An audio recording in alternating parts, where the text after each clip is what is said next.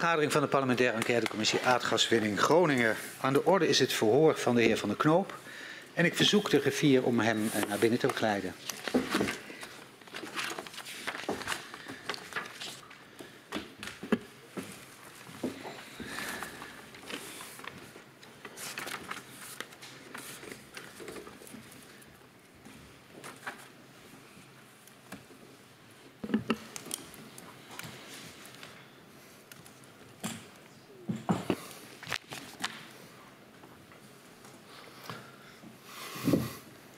Welkom, meneer Van der Knoop, hier bij de parlementaire enquêtecommissie Aardgaswinning Groningen. 60 jaar gaswinning heeft Nederland veel gebracht, maar kent zeker voor gedupeerde schaduwkanten. De commissie onderzoekt hoe deze schaduwkanten hebben geleid tot het besluit om de aardgaswinning in Groningen te stoppen. Um, we willen ook weten hoe de publieke en private partijen hebben samengewerkt uh, bij de winning en op hoe de besluitvorming op cruciale momenten is uh, verlopen. We onderzoeken de aardbevingen en ontwikkeling van kennis daarover, de afhandeling van schade veroorzaakt door de bevingen en het proces van het versterken van gebouwen in Groningen. U bent een lange tijd voorzitter geweest van de Groninger Bodembeweging en u wordt hier gehoord als getuige. Dat betekent dat u onder ede komt te staan zo dadelijk en uh, de waarheid en niets dan de waarheid zult zeggen. En daarom verzoek ik u om even te gaan staan. En mij na te zeggen, dat beloof ik. Dat beloof ik. Staat u nu onder Ede, mag u weer gaan zitten. Het verhoor met u wordt afgenomen uh, door de leden Kat en Katman. En mogelijk dat mevrouw Van der Graaf ook nog een enkele vraag aan u heeft uh, wat later in het verhoor. Oké. Okay. Dan gaan we beginnen. Meneer Van der Knoop, u was in 2009 uh, een van de oprichters van de Groninger Bodembeweging. En van 2009 tot 2021 vicevoorzitter. Um, u bent dus al lang actief betrokken bij de gevolgen van de aardgaswinning. Nee, sorry, u zei van 2009 tot 2021? Ja. Nee, van 2009 tot 2012 voorzitter. 2013, 2014 vicevoorzitter en daarna weer voorzitter. Ja, ik had vice tussen aanhalingstekens moeten plaatsen. Dan had u ja. dat zeker begrepen. Um, we hebben van de Groninger Bodembeweging al veel stukken mogen ontvangen waaronder een uitvoerig overzicht van 90 pagina's van gebeurtenissen. En van u ook een, een overzicht uh, wat u ziet als de 24 beleidsfouten. Heeft u ons op persoonlijke titel toegestuurd. Daarvoor dank, uh, want het maakt ons hè, wat dat betreft ook mogelijk dit verhoor te beperken tot een aantal hoofdpunten en tot een aantal onderwerpen waar u vanuit de Groningen Bodembeweging direct bij betrokken was. We willen eerst een aantal vragen stellen over de Groninger Bodembeweging zelf. Want het doel van de Groninger Bodembeweging luidt het opkomen voor de belangen van mensen die directe of indirecte schade hebben door de gaswinning in het Groninger gasveld. Welke ontwikkeling maakte de omvang van de bodembeweging door? Um, nou, toen we begonnen, toen hadden we ongeveer meteen 100, 200 leden. Maar dat bleef heel lang zo. Uh, dus we kregen zeg maar, de bevolking niet erg enthousiast om lid te worden van de GBB. Um, we kregen een commentaar in de sfeer van het heeft toch geen nut. Uh, ze zijn veel te machtig, je doet er toch niks aan. Uh, maar pas toen bij, of na de beving van Huizingen, toen stroomden de leden uiteraard toe. Toen zag men in dat het wel degelijk belang had om op te komen voor de mensen hier in Groningen dan. En, uh, en, en toen in 2013 ook nog bekend werd dat de bevingen wel eens zwaarder zouden kunnen worden, toen uh, hebben we nou ook een, een beetje verdubbeling gehad van de leden. En ik meen dat wij ergens in 2016 zaten we op 4000 leden. Ja, ja. Um, dus van enkele honderd naar 4000 ja, leden. Ja. Dus, um, kunt u ons een beeld schetsen van een, een gemiddeld uh, lid, hoe moeilijk dat ook is? Nou, een beetje wel. De gemiddelde leeftijd uh, die is rond de 65, 66. Dus uh, het zijn veelal wat oudere mensen, gemiddeld genomen dan. En ze zijn bijna allemaal woningeigenaar. Ja. Dus eigenlijk geen uitzonderingen. Um, wat zijn de belangrijkste initiatieven die de bodembeweging neemt in uw bestuursperiode? Poeh. Ehm, ja, dat is nogal wat. Ehm, de belangrijkste initiatieven. Nou, we zijn een proces gestart tegen de NAM, een strafproces. Uh, we hebben beroep aangetekend bij het besluiten van minister Kamp, later ook van minister Wiebes. Ja. Wij hebben een aantal WOP-verzoeken ingediend. Uh, de eerste, dat, die was op, uh, naar aanleiding van de onderzoeken die Kamp had laten uitvoeren. De achtergronden daarvan. En de tweede was uh, gericht op de HRA-methodiek. Daar wilden we het fijne wel van weten. Ehm, verder hebben we natuurlijk veel actie gevoerd. We hebben een vijftal demonstraties gehouden in Groningen, die steeds in aantal toenamen. Mhm. In samenwerking overigens met veel andere partijen hoor. Dus uh, we waren niet de enige die dit deden, maar we namen wel het initiatief steeds. Ja. Uh, verder heeft natuurlijk uh, een, een, een, grote rol gespeeld in het, in het, uh, in het voorzien van informatie van de leden en van andere bewoners. We gaven ook een krant uit, oplage 125.000. Dat ging drie à vier keer per jaar. Dat was vanaf 2015 ongeveer. Elke maand kwam er een nieuwsbrief waarin mensen uitgebreid geïnformeerd werden over wat de ontwikkelingen waren. En verder uh, hebben we natuurlijk veel overlegd aan de verschillende overlegtafels. Uh, er steeds de belangen van de mensen op tafel gelegd. Uh, kijk, de enige macht die we eigenlijk hebben of hadden, dat is informatiemacht. meer hadden we eigenlijk niet. Uh, dus ons doel was hoe het ermee staat met de mensen, wat de problemen zijn van de mensen in verband met de gaswinning, steeds op tafel leggen en uitleggen hoe het zit. En op die manier dus ook de belangen dus behartigen van, uh, ja. van de mensen bij de verschillende bestuurders. Ja. En is die inhoudelijke focus uh, in de loop der tijd veranderd? Ja, je kunt zeggen dat voor Huizingen uh, was de focus enkel gericht op schade. Uh, ik denk dat je kunt zeggen dat er helemaal geen oog was voor veiligheid of onveiligheid. De meeste mensen die hadden niet het gevoel dat ze door die bevingen uh, in een onveilig huis kwamen te zitten. Uitzonderingen daar gelaten hoor. We hebben natuurlijk nooit een totaal overzicht van alle mensen. En we weten ook dat er al veel mensen bezig waren om, te procederen tegen de NAM.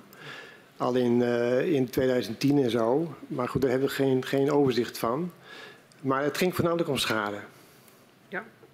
En als u dat zegt, eh, het ging voornamelijk om schade, was dan ook dat zeg maar um, bij belangenbehartiging um, waar u zich op richtte, uh, dus die woningeigenaren die te maken hadden met schade? Of u vertelde net over de kranten, 125.000, nou waarschijnlijk dus ook bewoners. Um, waar lag primair een focus op? De focus was denk ik op de aandacht, uh, aandacht creëren in de media. En via de media komt het dan wel in Den Haag terecht. En bij de bestuurders. Uh, maar daar lag de focus op. Ja, en dan bedoelt u met uh, media-aandacht opkomen voor de belangen van, die, van uw lid, van, uw, van die woningeigenaren? Of was dat breder de inwoners ook van Groningen? Nou, beide. Uh, ik, ik, zei u net al, de enige macht die je hebt als burger in, in zo'n situatie is informatiemacht. dus je weet hoe het, wat voor problemen de mensen allemaal hebben. En die informatie moet je trachten over te brengen in, in, bij de besluitnemers in Den Haag. Ja. En dat, ging, dat was het doel. En, en eh, de media was daar natuurlijk een heel goed middel voor. Want Den Haag is gevoelig voor wat er allemaal in de media staat. En die krant en ook de nieuwsbrieven, dat ging weer naar je achterban toe. Om die goed te informeren. Ja. Ja. En u had het net over, over, over schade. Um, in hoeverre um, um, uh, waren de ervaringen van gedupeerden met schade, verschilden die enorm van elkaar? Ja, ik wil wel zeggen. Ik denk dat uh, heel veel mensen hebben er weinig last van gehad. Mm -hmm. Nu nog. Hè, dus veel mensen die bijvoorbeeld in de stad Groningen wonen, die hebben weinig problemen. Uh, een aparte categorie zijn ook de huurders die hebben natuurlijk best wel eens last van uh, schadeherstel, et cetera. En ook als je, als je woning gesloopt moet worden, uh, daar hebben ze best wel een probleem mee. Maar als je eigenaar bent van een woning, is het toch een andere situatie. He, dus uh, er, zijn, er zijn enorme verschillen tussen bewoners van de problemen die ze ervaren. Ja, en binnen uw ledenbestand, wat was dan de grote groep? Waren dat dan mensen met weinig schade of met heel veel schade of complex? Nou, daar, daar hebben we niet zo'n overzicht van gehad. Uh, ik weet wel dat, dat uh, zo, zo, voelden wij het tenminste. De mensen die lid werden van de Groningen Bodembeweging, die waren solidair. Dus ook al had je dan wellicht zelf weinig schade, weinig problemen, je was wel solidair met de mensen die het wel hadden. Ja. ja. ja.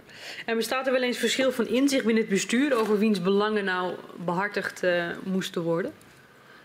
Nee, het is eigenlijk wel het, het, het, nou, het grappige. Het is eigenlijk helemaal niet grappig natuurlijk. Maar er is altijd weinig verschil geweest tussen hoe we het moesten aanpakken. En wat moeten we doen om uh, het, belang van de burger te behartigen?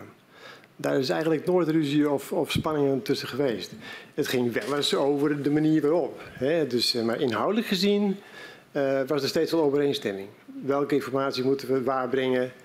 En dat ging natuurlijk ook wel eens naar Den Haag toe, praten met Kamerleden. Uh, dus uh, er was eigenlijk weinig uh, spanning tussen. Ja. Oké, okay. duidelijk.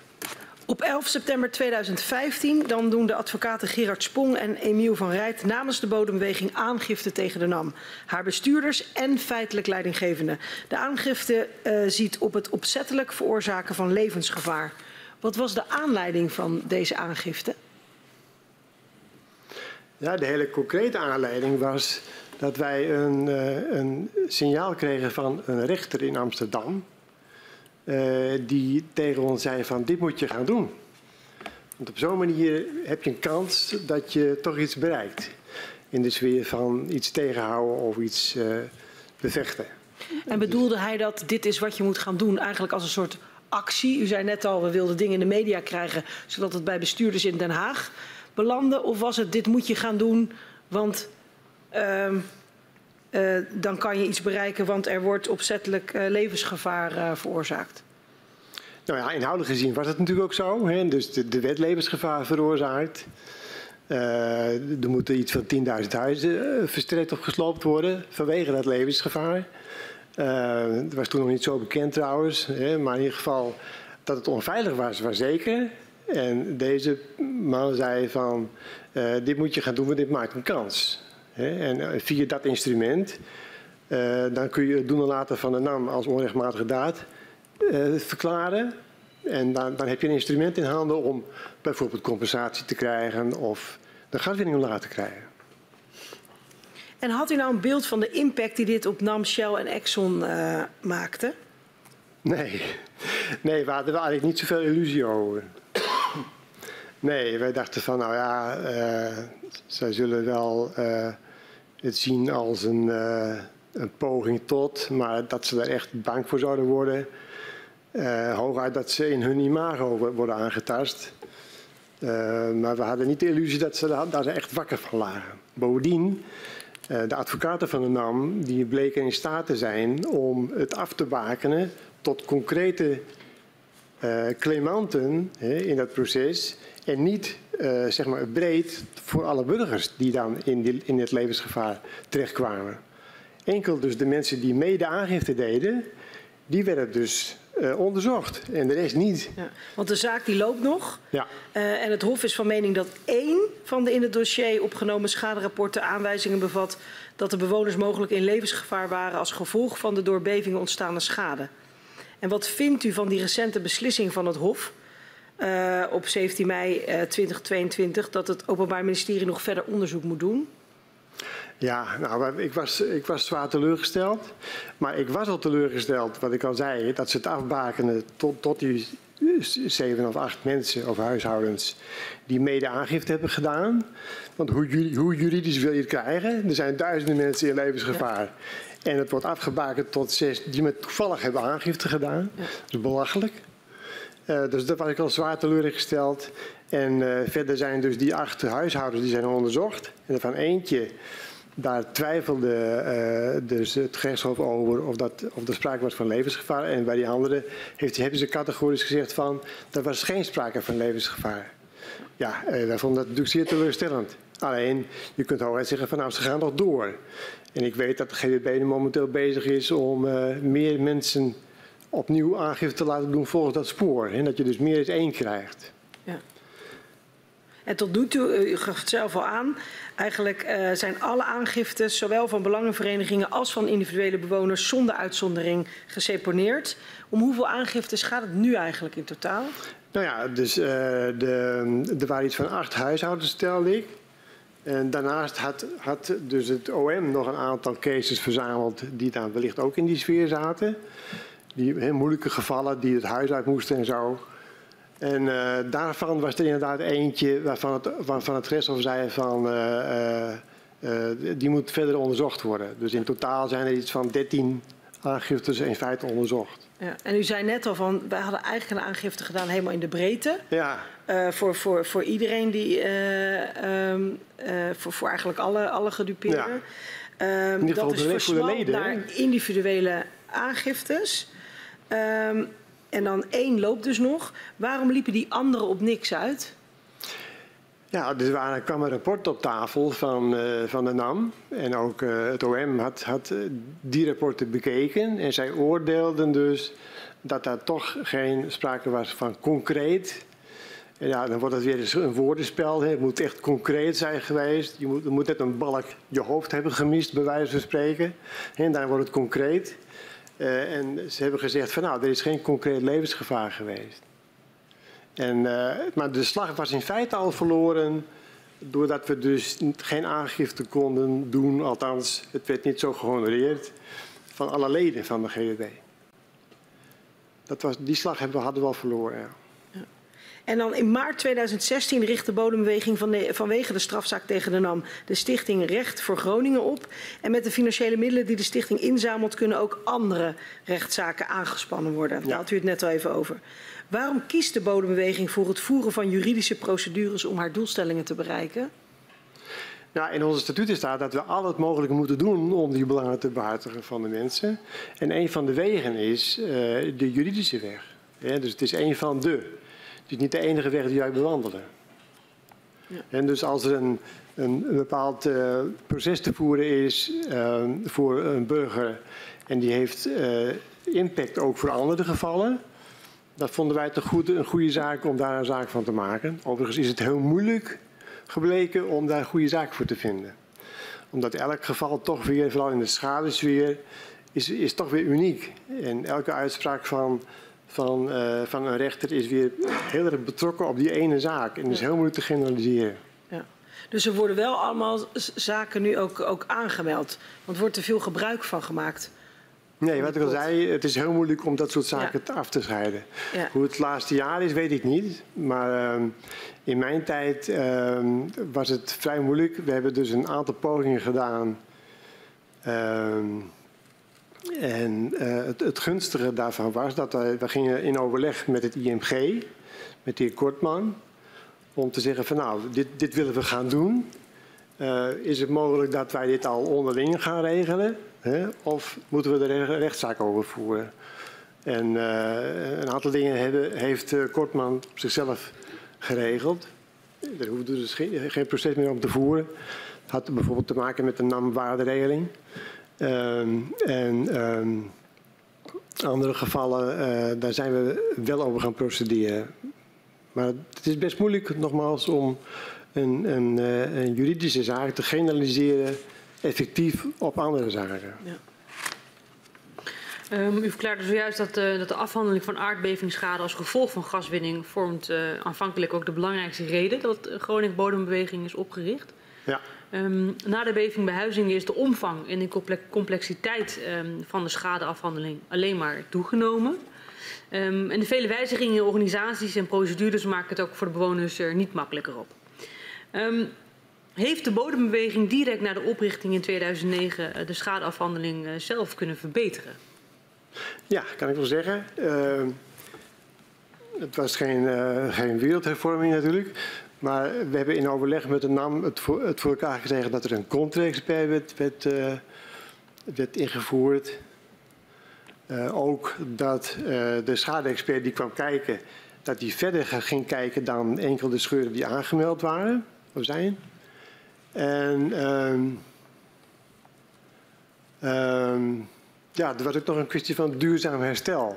Dus ze gingen in de tekst zetten op hun website van wij gaan duurzaam herstellen. Uh, toen we dat vervolgens gingen uitdiscussiëren van bedoel je daar dan mee, toen is het te snel weer afgehaald. Dus uh, duurzaam herstel, dat hebben ze niet willen doorzetten.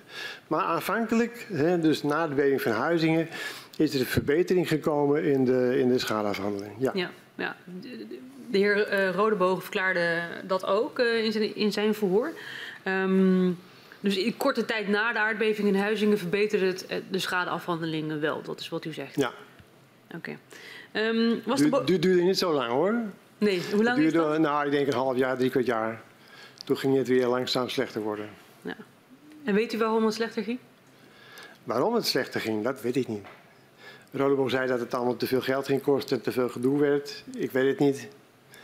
Uh, duidelijk is wel dat zij het steeds moeilijker maakten voor de mensen om uh, gecompenseerd te worden voor de schade. Dus. Ja, nou misschien dat we er zo opkomen met, een, met het nieuwe schadeprotocol. Um, was de bodembeweging voorstander van de oprichting van het Centrum Veilig Wonen in januari 2015? Niet in deze vorm. Ik weet dat het de dialoogtafel daar toen een voorstander van was. Uh, maar als onze vertegenwoordigers uh, in de dialoogtafel, als die dus bij ons in het bestuur terugkwamen, dan hadden we verder discussies. Uh, en de GBB heeft zich toen ook tegenstander verklaard van het CVW in deze vorm. Ja, en hoe uitte zich dat? Waren, waren bepaalde acties die u dan voerden? Nee, ik denk dat het in de vorm van een persbericht ging of een, een, stuk in de krant. Op die wijze. Ja, en wat was dan de voornaamste reden waarom op die wijze dat dat niet in uw ogen, of tenminste van de organisatie, niet voldoende was? Nou ja, het is al heel vaak gezegd natuurlijk, het CVW is niet onafhankelijk. Wij hoorden van uh, de ambtenaren van EZ, uh, toen later het, het, het, CVW moest worden overgenomen als het ware door, uh, door het NCG dat er lag zo'n dik contract tussen eh, de NAM en het CVW.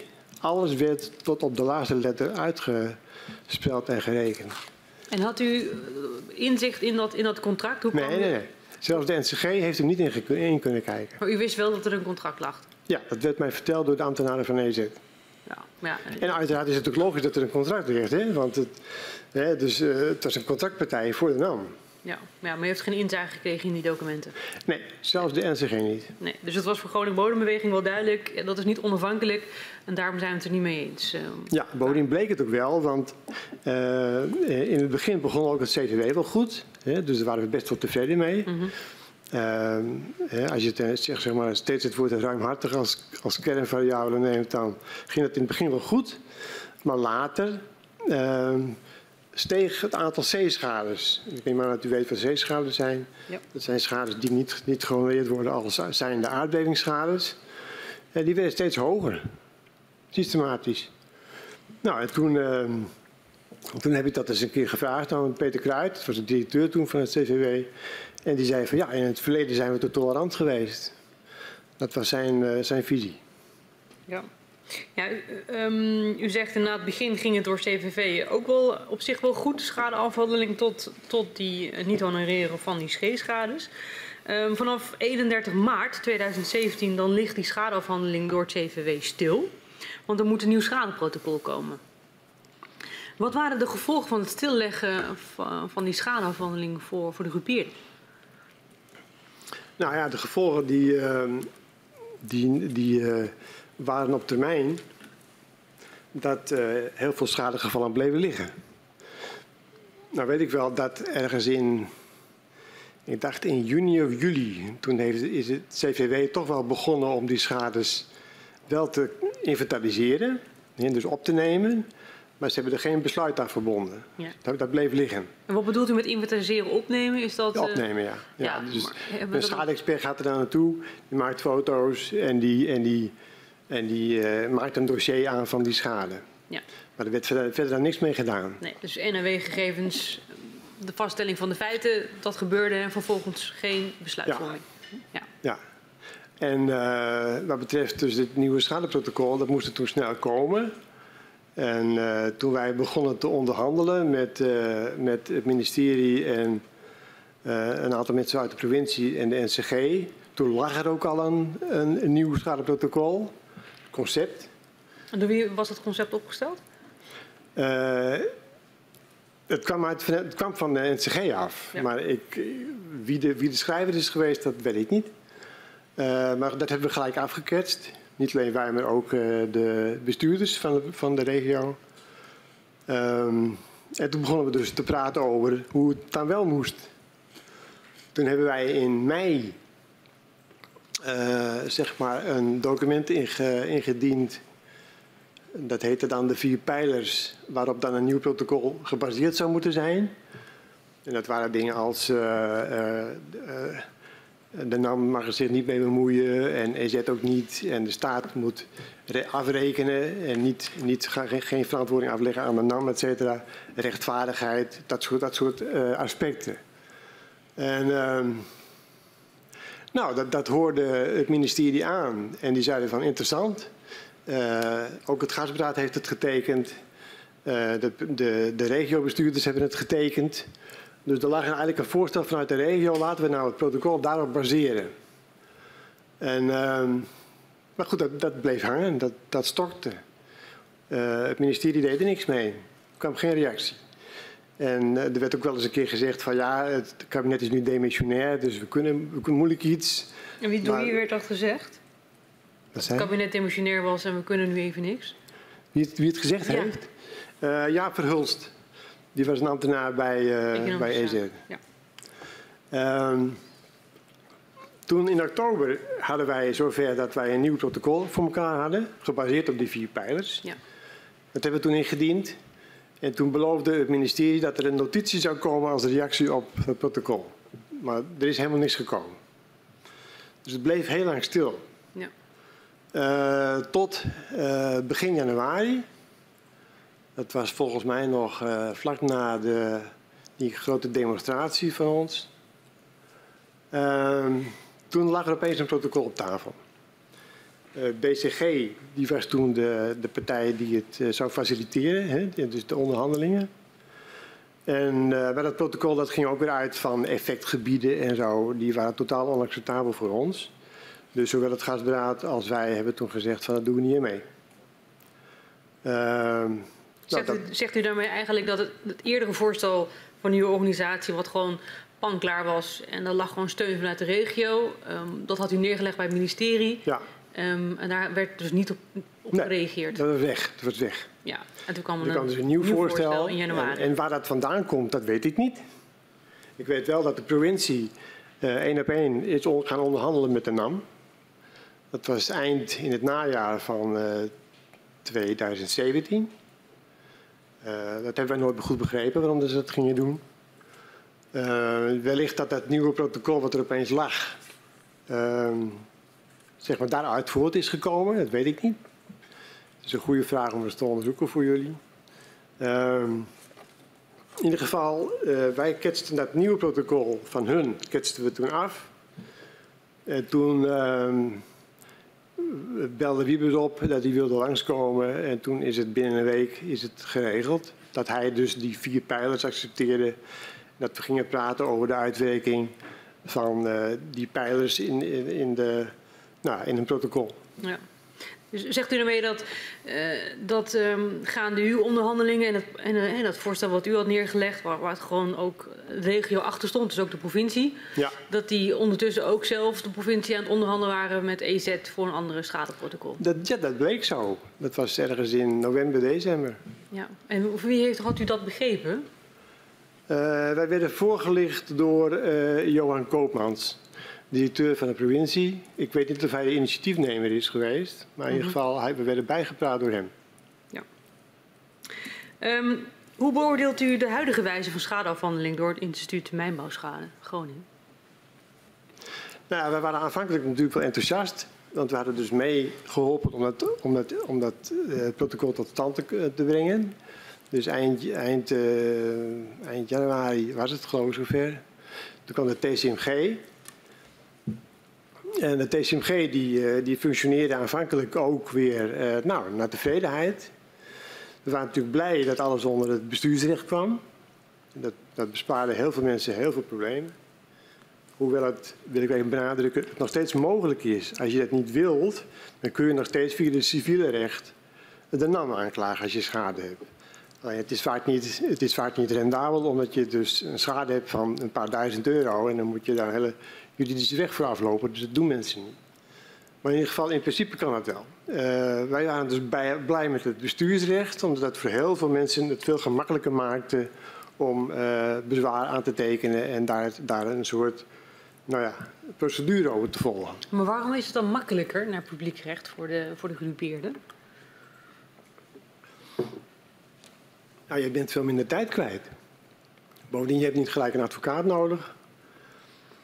Dus uh, als, je, als je een civiele procedure start, dan ben je, ben je vier, vijf jaar verder. Zo deden namelijk het ook. En voordat dat een uitspraak kwam, dan gingen ze vaak schrikken. Want ze wilden geen uitspraak van de rechter. Maar bestuursrecht, ja, dan kun je, kun je als het ware zo aan de bak. Hè. Je, je kunt bezwaar aantekenen tegen een besluit. En het wordt dan binnen een, uh, een aantal maanden wordt het afgewikkeld. Tenzij het natuurlijk verder gaat, als je, als je gewoon steeds mee oneens blijft, dan moet je, kun je tot aan de, de Raad van State natuurlijk. Ja. En u vertel, um, um, is het volgens u nu de schadeafhandeling uh, goed georganiseerd en inwonersgericht? Nou, nee, ik vind het uh, een beetje de verkeerde kant op gaan. Uh, kijk, we hebben een uh, wet bewijsvermoeden in Groningen. En dat paste de TCMG en in het begin ook de IMG op een goede manier toe. Ze hadden een panel van deskundigen ingesteld die daarover advies had, had uitgebracht. En daar waren, waren het mee eens. Dus, dus uh, er werd een ruime cirkel getrokken waar het bewijsvermoeden van toepassing was. En uh, dat vonden wij op een ruimhartige manier voldoende. Uh, maar de laatste tijd uh, zijn ze bezig om dat in te perken. Zowel uh, geografisch, dat ze zeggen van nou in het zuiden zijn er nooit trillingen geweest van die kracht. Dat, daar kun je helemaal überhaupt geen aardbevingsschade hebben, dus dat halen we eraf van de, van de geografische streek die, mm -hmm. uh, waar het bewijsmoeder van toepassing is. En ze hebben ook een ander instrument geïntroduceerd, het zogenaamde trillingstool. Uh, met de trillingstoel bepaalden ze gewoon of welke trilling een huis heeft gehad. En dat is dan, uh, die trillingen zijn geïnventariseerd door uh, het KNMI. En, um, en op basis daarvan zeggen ze van ja, de trillingen zijn dus niet zo groot geweest dat van deze schade sprake kan zijn. Um, de, in, de, in, die, in het wet bewijsvermoeden staat dat de, als er een schade is die naar haar aard mm -hmm. het gevolg kan zijn van mijnbouwschade, van mijnbouw, dan valt het onder de, de, de, ja. de, wet. Nou, dat naar haar aard hebben zij dus vertaald. Want als je naar haar aard uh, probeert te duiden, dan bedoel je ermee het soort van schade. Een scheur in de muur of uh, nou, weet ik veel. Alleen zij hebben het vertaald in of het mogelijk is. En dus zij maken een trillingstoel die dus bepaalt uh, aan de hand van de maximale trilling die er geweest is, van nou hier kan überhaupt geen sprake zijn van, van uh, aardbevingsschade ja of nee. Ja. Dan is het nog wel zo dat ze een andere oorzaak moeten aangeven, maar ja, die is snel gevonden. Uh, dat, is, dat is in de praktijk heel vaak gebleken, dat je heel snel een ander iets kunt aanwijzen. Uh, en ik vind dat ze dus op die manier uh, de wet bewijsvoering niet voldoende recht doen. Ze vergeten bovendien dat je cumulatieve schade kunt hebben. Mm. Dat je heel veel bevingjes hebt gehad die misschien niet maximaal zoveel zijn geweest, maar opgeteld wel het huis heeft aangetast. Uh, ze vergeten ook, althans ze gaan er in mijn ogen te veel aan voorbij, dat een huis ook onder spanning kan staan. Ja. waardoor je maar een klein, kleine trilling nodig hebt om alweer scheuren te doen ontstaan. Dus kortom, ik vind dat ze te veel inperken. Ja, dus in, the in theorie was het goed bedoeld. En zou het tegemoet kunnen, kunnen moeten komen qua bescherming aan, hè, voor de gedupeerden. Maar in de praktijk uh, blijkt het gewoon dat het uh, juist ten nadele werkt. nou, ik wil niet zeggen dat het ten nadele werkt. Alleen ze interpreteren dus een beetje in de richting van, van de NAM. Ja. Laten we het zo maar zeggen. En dat is een van de, de, de basisprincipes die nu ook steeds op tafel kwam. Wij handelen de aardbevingsschade af waarvoor de NAM aansprakelijk is. Ja. Okay. En zij zijn, zij zijn heel erg juridisch ingesteld. En uh, in hun, zeg maar, in hun ehm, benadering hebben ze ongetwijfeld gelijk. Alleen het botst met de andere terminologie in de memorie van toelichting van de wet. Ruimhartig, mensgericht, etc. Dank u. Na de beving van Huizingen wordt naast de schadeafhandeling ook veiligheid een speerpunt voor de Groninger bodembeweging. De versterkingsopgave krijgt snel veel aandacht, maar komt desondanks moeilijk van de grond. Wat is het standpunt van de bodembeweging over de versterking van huizen? Op dit moment? Uh, na de beving van, uh, van Huizingen. Dan komt, uh, dan, komt die, dan komt die eigenlijk nou ja, niet van de grond. Er is wel veel aandacht voor. Dus eigenlijk in die periode. En, en vervolgens, nou ja, u kunt ook wel naar dit moment. Ja, Als u dat want, om het, om het hele verloop te schetsen vanaf ja. wat Kamp allemaal beloofd heeft in 2013 al. Dat er in het derde kwartaal begonnen zou gaan worden met de versterking van woningen. Ehm, ja, dat is, dat is natuurlijk een heel traject. Wij hebben altijd gezegd van er moet een instantie komen die, uh, die daadkracht uh, heeft en die ook het mandaat heeft om dat waar te maken. Uh, de NCG was in, in, onze ogen in het begin zo'n instantie, dus daar waren we blij mee. Ehm, alleen de NCG zat op zijn manier weer vast uh, aan de onderhandelingen die hij moest voeren met de NAM en EZ. En wij hoorden vaak van de NCG, uh, zolang de overheid niet, niet, bereid is om aansprakelijkheid van de NAM over te nemen, moet ik, heb ik de NAM aan tafel. En daar zat hij in vast. Dus hij moest voor elk cent moest hij onderhandelen met de NAM. Want die was nog steeds aansprakelijk. Een van de vragen die ik ook heb, en ik hoop dat, dat, dat u daar een antwoord op kunt hebben is hoe dacht de overheid of het Rijk in het begin over die aansprakelijkheid? Op een bepaald ogenblik heeft de overheid aansprakelijkheid aanvaard en heeft ze die overgenomen. Maar wanneer ontstond nu op een bepaald ogenblik de overtuiging dat ze dat, moesten gaan doen? En waarom dachten ze in het begin daar anders over? Is dat een juridisch verhaal geweest of is dat echt een morele overtuiging geworden? Ja, dat is een goede vraag. En volgens mij heeft bij het vorige verhoor de, de heer Wallagen ook zulke okay. vragen hardop, uh, hardop gesteld. Uh, ik wil toch nog even met u terug gewoon naar, naar dat moment, zeg maar, na Huizingen, de versterkingsopgave. Nogmaals veel aandacht, maar komt niet uh, van de grond. werd u betrokken bijvoorbeeld bij het opstellen van die versterkingsopgave? Want u zei al, wij wilden een organisatie met daadkracht. Kon u dat, kon, kon u dat ergens kwijt? Nee, dat, dat, konden wij pas kwijt toen wij deel uit gingen maken van een maatschappelijke stuurgroep. En toen, kon, toen maakten wij in feite deel, uh, maakten we deel uit van het overleg wat plaatsvond met uh, de heer Alders, de NCG. En konden wij ons commentaar leveren. En konden we dus opmerkingen maken, et cetera, hoe het moest en hoe het niet moest. Uh, daarvoor hebben we daar geen kans voor gehad. We hebben wel een paar keer een overleg gehad met de heer Kamp. Maar dat, dat levert niks op. Als ik dan een vraag stelde aan de heer Kamp of iets mededeelde over onze mening, dan, uh, dan kreeg ik alleen te horen van ik heb u gehoord. Punt. Geen reactie. Dus zo ging, dat, zo ging het overleg met de heer Kamp. Ja. En wat wilde u bereiken voor, voor uw leden? Als u dan die gesprekken had, bijvoorbeeld met de heer Kamp of waar u ook maar u dan uw mening over die versterkingsopgave kwijt kon? Nou, dat bestaat steeds uit twee componenten. Hè. Je wilt onder de aandacht krijgen welke problemen mensen ervaren. Hoe moeilijk het ook is voor mensen om die lange onzekerheid te ervaren van die versterking. Want het was natuurlijk heel snel duidelijk dat het nou, tientallen jaren ging duren ook. Uh, dat is niet te accepteren voor burgers. Uh, je, levens, je levensloop wordt er echt door omgebogen. Dat kan niet. En, en verder wilden, maakten wij dus opmerkingen van hoe het anders moest. Ja. Um, wij pleiten steeds meer voor een daadkrachtige instantie zoals de NCG. Ja. En hoe ging dan zo'n gesprek met de minister? Want u zegt van we wilden eigenlijk gewoon vooral uh, laten horen en laten zien waar mensen tegenaan liepen. Dus dan legt u ook gewoon direct casussen neer nou, dat, dat, wat is, ja. dat, ging net zoals ik net zei. Ja. Ik heb een keer dus dat soort problemen voorgelegd aan de heer Kamp. En ik kreeg als enige commentaar van, ik heb u gehoord. Dus meer kreeg ik niet. Nee. En uh, dat werd anders bij meneer Wiebes. Uh, maar dat kwam later pas. Het is wel zo, dat wil ik toch wel even zeggen. Uh, er was een wetsontwerp in de maak, tijdens de heer Kamp nog. om de bevoegdheden van de NCG groter te maken. En uh, ja, die bleef liggen onder kamp. Er werd wel advies gevraagd aan de Raad van State, dus zover was men wel. Maar hij bleef liggen. En uh, na kamp kwam Wiebus en die heeft hem eigenlijk gewoon in de laag gelegd. Nou, die ging juist de tegenovergestelde kant op. Die ontnam juist bevoegdheden aan, uh, aan alles. En dan ontstaat er ook een discussie over de gebiedsgerichte aanpak.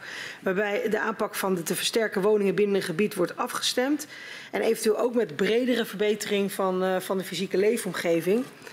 Is uh, de bodembeweging voorstander van een gebiedsgerichte aanpak? Het is, dit is een vrij ruime term hoor, gebiedsgericht. Uh, ik weet wel dat ouders die, uh, die wilden het gebiedsgericht gaan doen. Uh, maar in zekere zin was je ook weer objectgericht, want hij ging elk huis inspecteren en doorrekenen. Dus in die zin was het objectgericht. Um, toen Wiebes kwam, uh, toen uh, dacht hij of hoopte hij dat het aantal te, de te versterken huizen dus heel klein zou gaan worden, omdat hij de gaswinning zou dicht doen. Uh, toen werd het opeens objectgericht. Want hij kon, dacht hij, het aantal huizen trekken uit de HRA-lijst van de NAM. Ja, maar ik vroeg aan nu van die gebiedsgerichte aanpak. Dus het ging ook over gewoon uh, koppelen. Uh, was de bodembeweging daar voorstander van, van zo'n gebiedsgerichte aanpak? Is dat, is dat een goede aanpak? Als, je, als u ermee bedoelt dat het in samenhang gebeurt, bijvoorbeeld in een dorp... en dat, uh, dat je dus alle versterkingsacties in zo'n dorp op elkaar af moet stemmen... ook in de tijd en logistiek in samenhang met de, de bewoners. Uh, en uiteraard ook met de gemeente waar dit dorp in zich bevindt. Daar ben ik er hartstikke voor. Ja. ja. En wat betekent dat nou voor tempo? Nou, dat, daardoor werd het dus trager. Ja. Dat, dat kun, je van, kun je op je vingers natellen. Ik, heb, ik, maak me ook geen enkele illusie meer over, over het einde van die versterking. Dat, uh, dat, dat, dat, dat, gaat niet goed. He, want uh, dit, er zijn ongeveer vijf jaar verloren vanaf kamp. Als je het optelt, uh, dit komt niet meer tot een goed einde. Daar ben ik van overtuigd. Dit, dit gaat, uh, net zoals het RIVM ook al zegt, het staatstoezicht, uh, dit gaat 20 jaar duren. En je kunt mensen niet 20 jaar lang in onzekerheid houden. Er zijn dus mensen die worden pas over 15 jaar versterkt. Nou, wat moeten die in tussentijd gaan doen met hun huis? Dat wil toch niet? Maar ondertussen blijft u dus wel voorstander van zo'n gebiedsgerichte aanpak. Als je het goed wil ja. doen, dan moet je het ja. samen met de bewoners doen. En dat ja. betekent gebiedsgericht per dorp, per wijk. Ja, en ook al duurt het zo lang. Nou, dit is een probleem die, die dat niet op te lossen is. Nee. He, je moet het snel doen, vanwege de veiligheid. Maar het is niet, je kunt niet alle twee. Je kunt het niet, die veiligheid kun je niet binnen drie jaar voor elkaar krijgen... als je tegelijkertijd het met de bewoners wilt gaan doen. Dat wil niet. Ja. Er zijn in, fouten, in, in het verleden zijn er onherstelbare fouten gemaakt uh, die niet meer zijn te repareren. Ja, en u zei het net ook zelf al van het is eigenlijk vreselijk om mensen zo lang te laten wachten. Ja. Uh, de bodemweging is wel ook voorstander ervan dat elk huis eigenlijk geïnspecteerd wordt. Klopt. Uh, wat in een gebied staat waar aardbevingen effect op hebben. Ja, wat, wat zijn daar dan de gevolgen van voor dat lange wachten van mensen? Uh, nou ja, je, als de keuze is, je moet elk huis inspecteren die mogelijk onveilig is. En die je moet doorrekenen. Uh, en je kiest tussen, nou we nemen alleen maar een selectie die misschien het meest onveilig is, wat je niet zeker weet. Ja, wat moet je dan kiezen? Dus je moet ervoor kiezen, net als Alders ook deed, elk huis moet geïnspecteerd worden. En dan wil ik nog wat zeggen. Um, de lijst die nu ontstaan is uiteindelijk, die 27.000, uh, die uh, is nog steeds afgebakend door die HRA-methodiek. Er zijn nog steeds uh, huizen buiten dat gebied die mogelijk onveilig zijn. Die mogelijk zelfs P50-woningen zijn, maar die, omdat ze niet in die lijst stonden, niet meegenomen worden. Maar dan, dan ga je er dus vanuit dat die HRA-methodiek in staat is om voor alle huizen daar in Groningen uit te gaan rekenen welke huizen veilig zijn en niet. Maar dat kunnen ze niet. Nee. Ja. Wa- Wat bedoelt u met P50? P50 betekent dat je huizen eh, eh, in, de, in, de, in, de, in, de, in, de, in, het, in, de, in het context van het near collapse 50% kans heeft om in te storten bij een beving van, van zo hoog. Ja. Zware beving. Ja. U, u weet het en wij ook, maar voor de kijkers thuis Oh. misschien eh, toch even Ja. goed om dat te verduidelijken. Ehm, ik wil met u terug naar ehm, eh, de Nationaal Coördinator, want die moet vanaf eh, juni 2015 zorgen voor een sterkere publieke dienstverlening, of tenminste aansturing in de schadeafhandeling, en ook voor de versterkingsoperatie. En dit was een wens vanuit de regio. In hoeverre was de aanstelling ook een wens van de bodembeweging? Wij waren ervoor. Kunt u dat toelichten? Nou ja, wat ik al zei, we hebben altijd gezegd van er moet een, een, een, een instantie komen met doorzettingsmacht om het snel te kunnen gaan doen. En het moest los van de NAM, dus wij wilden nog een stap verder gaan. Hè? Dus we wilden niet alleen een NCG, maar ook een NCG die ook de versterking en de hele schadeafhandeling over zou nemen. Hè? Dus wat, wat ook later in feite gebeurd is onder Wiebus, we wilden dat toen al. We vonden dus het niet ver genoeg gaan, die NCG met zijn bevoegdheden.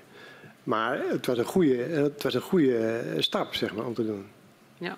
En u noemde het eh, het toekennen van, van die te weinige bevoegdheden als e- e- een van de grootste beleidsfouten. Ja, Ehm, wel- welk beeld had u in het begin bij het, eh, aan, ja, bij het aanstellen van de NCG? welk beeld had u bij die bevoegdheden en wat is daar later dan van terechtgekomen?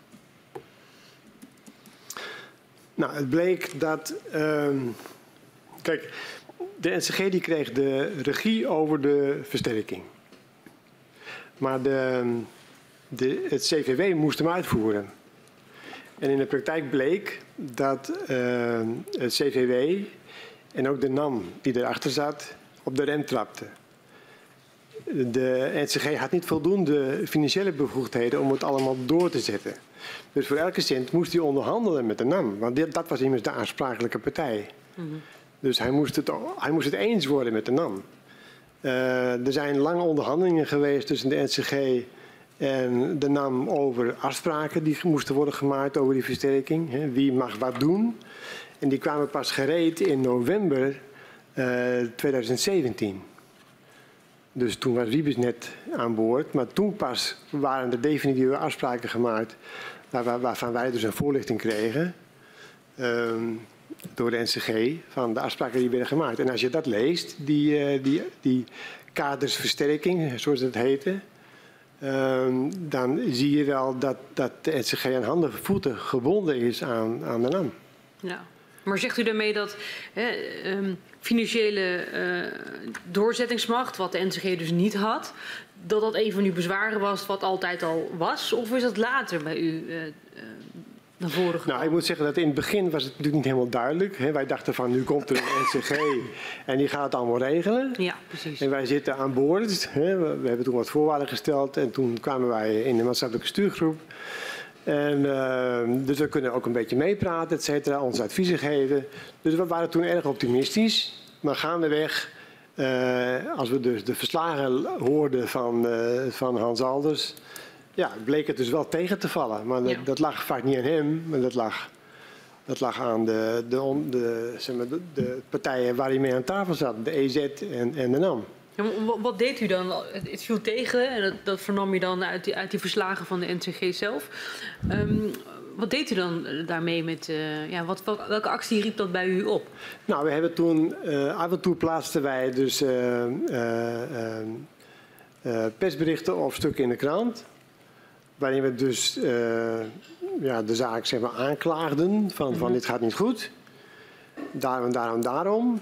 En ik vond dat destijds werd ik nog wel een beetje pijnlijk voor, voor de NCG. Maar die zei later dan van, dat heb je goed gedaan, want daarmee ga ik dus weer naar Den Haag toe. Ja. Was dat van tevoren afgesproken? Nee, nee, nee, nee. nee. Maar ik begreep het mechanisme wel, dus eh, eh, Ja. zo moest het dus. Zo moest het. U noemt het onderuit halen van de NCG een van de grootste beleidsfouten. Ja. Kunt u uitleggen wat u daarmee bedoelt? Ehm, de, de NCG die had een hele ruime taak. Uh, alleen hij kon dat niet waarmaken gezien zijn beperkte bevoegdheden.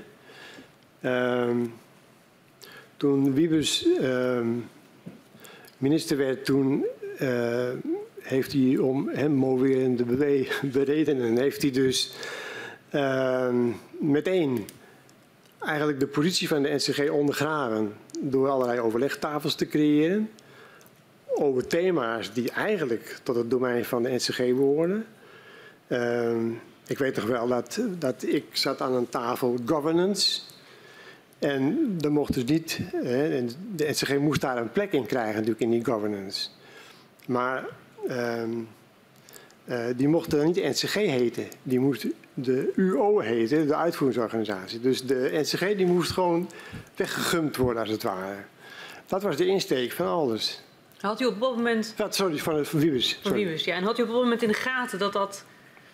Ja, als u zegt, uh, werd uitgegumd en langzamerhand NCG werd vervangen door... dat dat een, een pad was wat bewandeld werd? Ja. Uh, Wiebes wou in feite aan het roer staan. Want hij had al vanaf begin 2018 in zijn hoofd om die gaswinning omlaag te halen en daardoor het veiliger te maken en dan de versterkingskosten te drukken. Dat was zijn programma.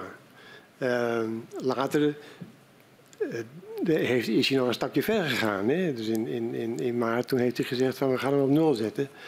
Maar dat was zijn bedoeling.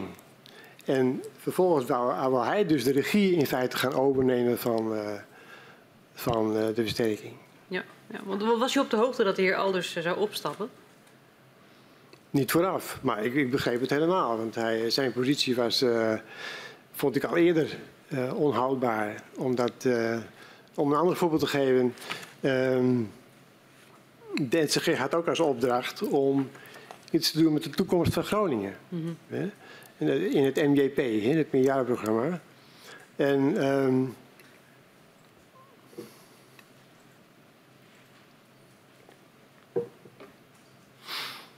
Um, daar werd ook over nagedacht binnen de NCG. En er was natuurlijk geld voor nodig. Maar um, Wiebes kwam met de, de NPG, hè, dus het Nationaal Programma Groningen. En die haalde daar geld voor op bij alle ministers.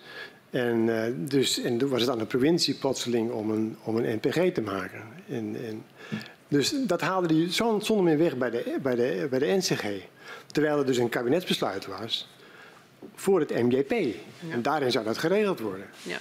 Dus de, een hele leuke vraag is ook of wie dat mocht doen. Wettechnisch. Ja, ja. Um, en dan steunde de bodembeweging hem hierin bij het opstappen? Nou, we hebben hem niet gesteund in het opstappen. Ik vond het jammer dat hij wegging. Want hij heeft ook een, een vind ik, een, een ondersteunende rol gespeeld bij de onderhandelingen over het protocol. Uh, daar hebben we wel wat aan te danken, ja.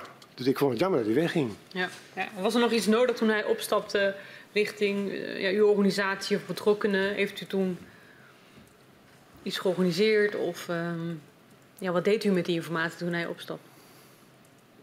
Nou, we hebben hem toen... Uh, ik weet het niet meer precies, maar we hebben hem toen... Uh, hij heeft het volgens mij eerst aangekondigd in een maatschappelijke stuurgroep of in een bijeenkomst.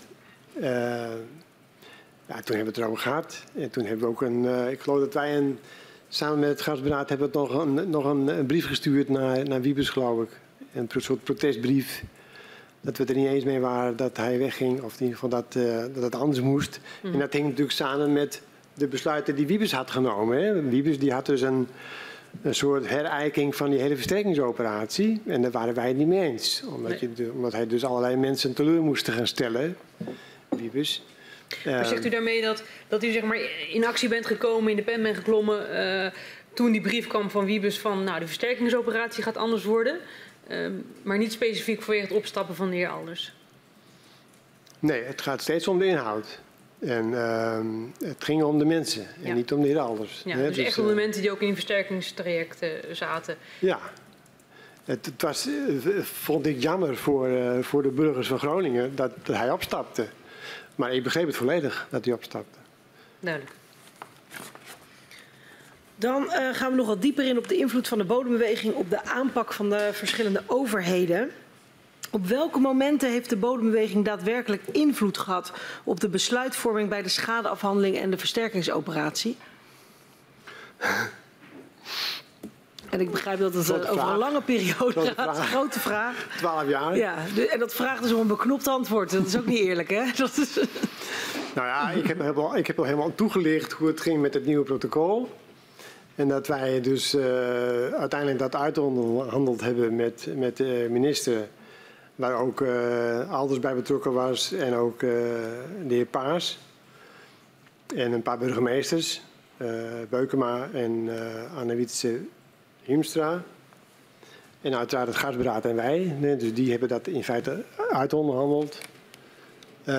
Dus in die zin hebben wij invloed gehad op het uiteindelijke protocol. Eh, twee dingen die wij moesten accepteren in die onderhandelingen waren... de arbiter ging weg in het nieuwe protocol en de contra-expert ging weg. Eh, dat vonden we erg jammer. Maar de houding was vanuit, vanuit, de, vanuit, EZ... ehm, ja, de overheid gaat het nu doen. En die is, die is voor de mensen. Dus jullie hoeven niet zoveel eh, instrumenten te hebben om er tegenin te kunnen gaan. ja. Dus de trok dan wel aan de bel om input te geven van dit, dit moet juist niet verdwijnen. Eh, Ja, ik heb de ja. contra-expert, die hebben wij, ik geloof, drie keer geëist. En drie keer moest er, ge- moest er ge- geschort worden. Eh, eh, de vergadering werd opgeschort dat ze dus met een alternatief kwamen. Daar hebben we echt eh, lang over gevochten. En uiteindelijk was er een soort commissie van, van advies is er gekomen voor eh, bezwaar. Commissie van bezwaar is er gekomen als een soort compromis. Maar ja, dat, dat is ook een beetje uitgekleed nu. Hè? Want de, IMG bepaalt nu of de commissie van bezwaar ingeschakeld wordt. Wat ik heel gek vind. Maar goed, eh, dat is wat anders. Dus eh, in het begin hadden wij een beetje invloed bij de NAM. Heel in het begin. Dat, ging, dat liep uiteindelijk niet goed. Eh, bij het CVW hebben we überhaupt geen invloed gehad. Ik weet dat de dialoogtafel eh, bezig is geweest met een eh, programma van eisen... die aan het nieuwe protocol moest worden gesteld. Daar is niks mee gedaan. Bovendien waren wij het niet eens als GBB-bestuur zijnde met dat, dat programma van eisen. Ehm, en verder is dus onder Wiebes dat nieuwe protocol samen met ons tot stand gebracht. En nu is het zo dat het IMG te veel op de juridische toer gaat. En ehm, eigenlijk, ehm, ja, ze zeggen bijvoorbeeld van wij willen wel meer, maar we mogen niet. Dus hier zit ergens ook weer een rol van, eh, van het Rijk in. Je kunt het niet alleen op de IMG af, nu dat het nu wat slechter gaat. Ik wilde eigenlijk ook nog concreet aan u vragen van hoe, vindt u dat er met uw input is omgegaan? Maar ik heb u al vaak horen zeggen van, nou ja, eigenlijk we zaten wel aan tafel, maar er werd niks mee gedaan. Is dat uw algemene conclusie of is dat te, te kort door de bocht? Nou, het is een beetje paradoxaal. Ehm, we hebben heel lang het gevoel gehad dat er niks mee gedaan werd of te weinig. Maar als je nu kijkt naar onze eisen die we in het begin stelden en, die, en wat er nu eh, geregeld is allemaal, dan hebben wij geloof ik op driekwart onze zin gekregen. Ja. Hè? Niet alleen van de GWB overigens, ook van andere partijen.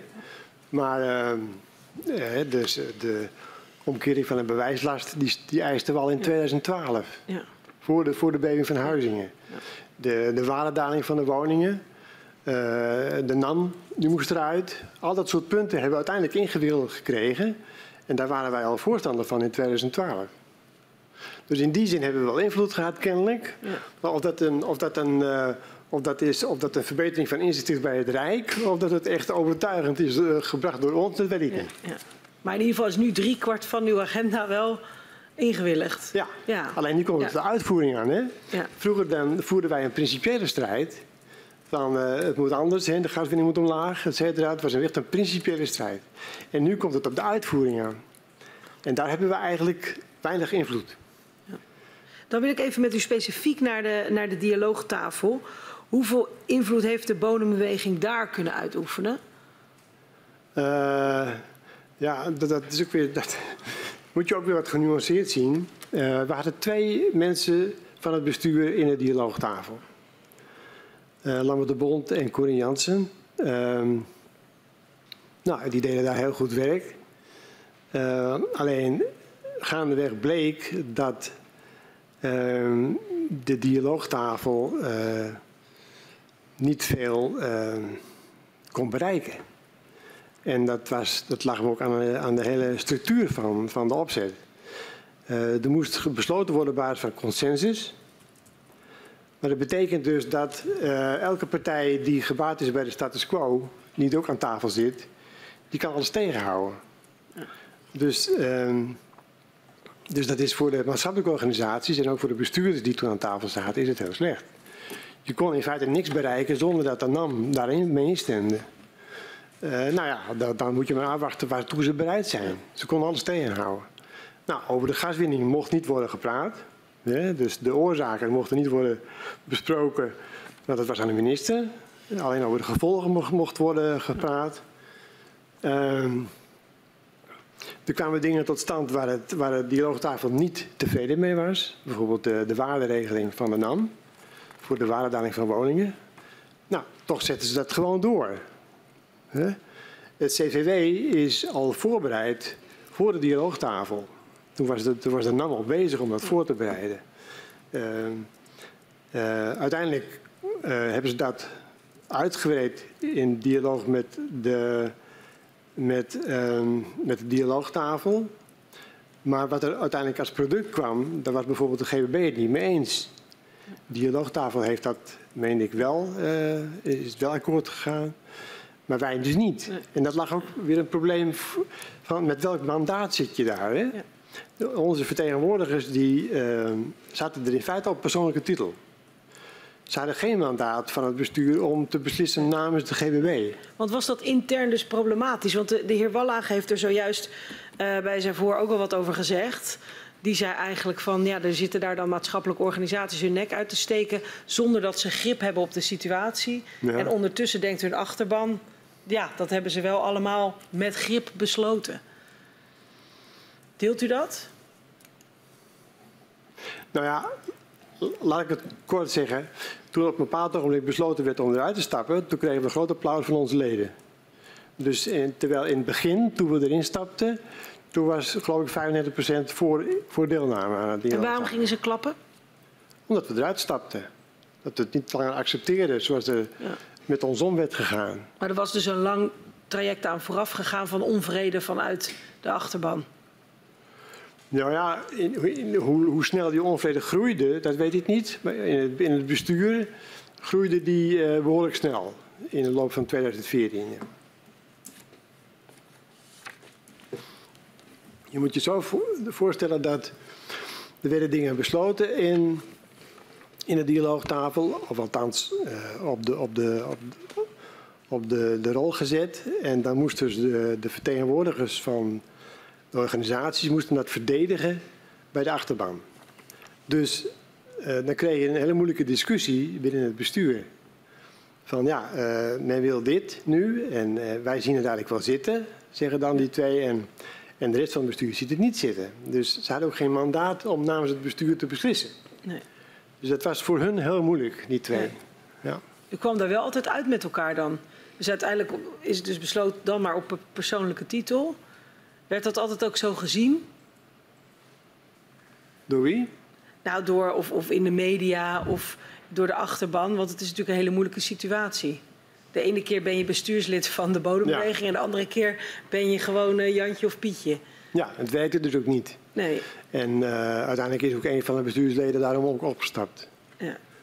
Dus die, uh, die, ja, dat, die kwam in een soort twee spalt terecht. Ja. Als u nou nadenkt over uh, welke overheidsinstantie nou het meest geluisterd heeft of die wel iets heeft gedaan met de input van de bodembeweging, is dat dan Den Haag? Zijn dat dan afzonderlijke gemeentes geweest of de provincie?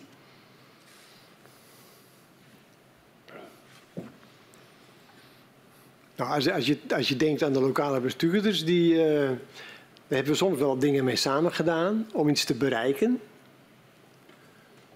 Maar ik denk als het om invloed uitoefenen ging, hè, om dus samen een standpunt in te nemen, om dat ook door te zetten bij, dan vonden ze ons maar lastig. Dus we hebben wel samen opgetrokken bijvoorbeeld bij, uh, voor de verkiezingen in 2017. Uh, sorry, 2005, nee, 2017, ja. Um, we hebben bijvoorbeeld bij Kamerdebat in 2015, begin 2015, hebben we ook samen opgetrokken. Um, we hebben samen opgetrokken bij het, uh, het, besluit van Wiebes om, om uh, de versterking on hold te zetten. Ja. Dat hebben we ook samen gedaan. En met wie trok u dan samen op? Met uh, de commissaris van de Koning en, en de bestuurders, de, de gemeente, de burgemeesters. maar goed, in normale setting vonden ze ons maar lastig. Ja.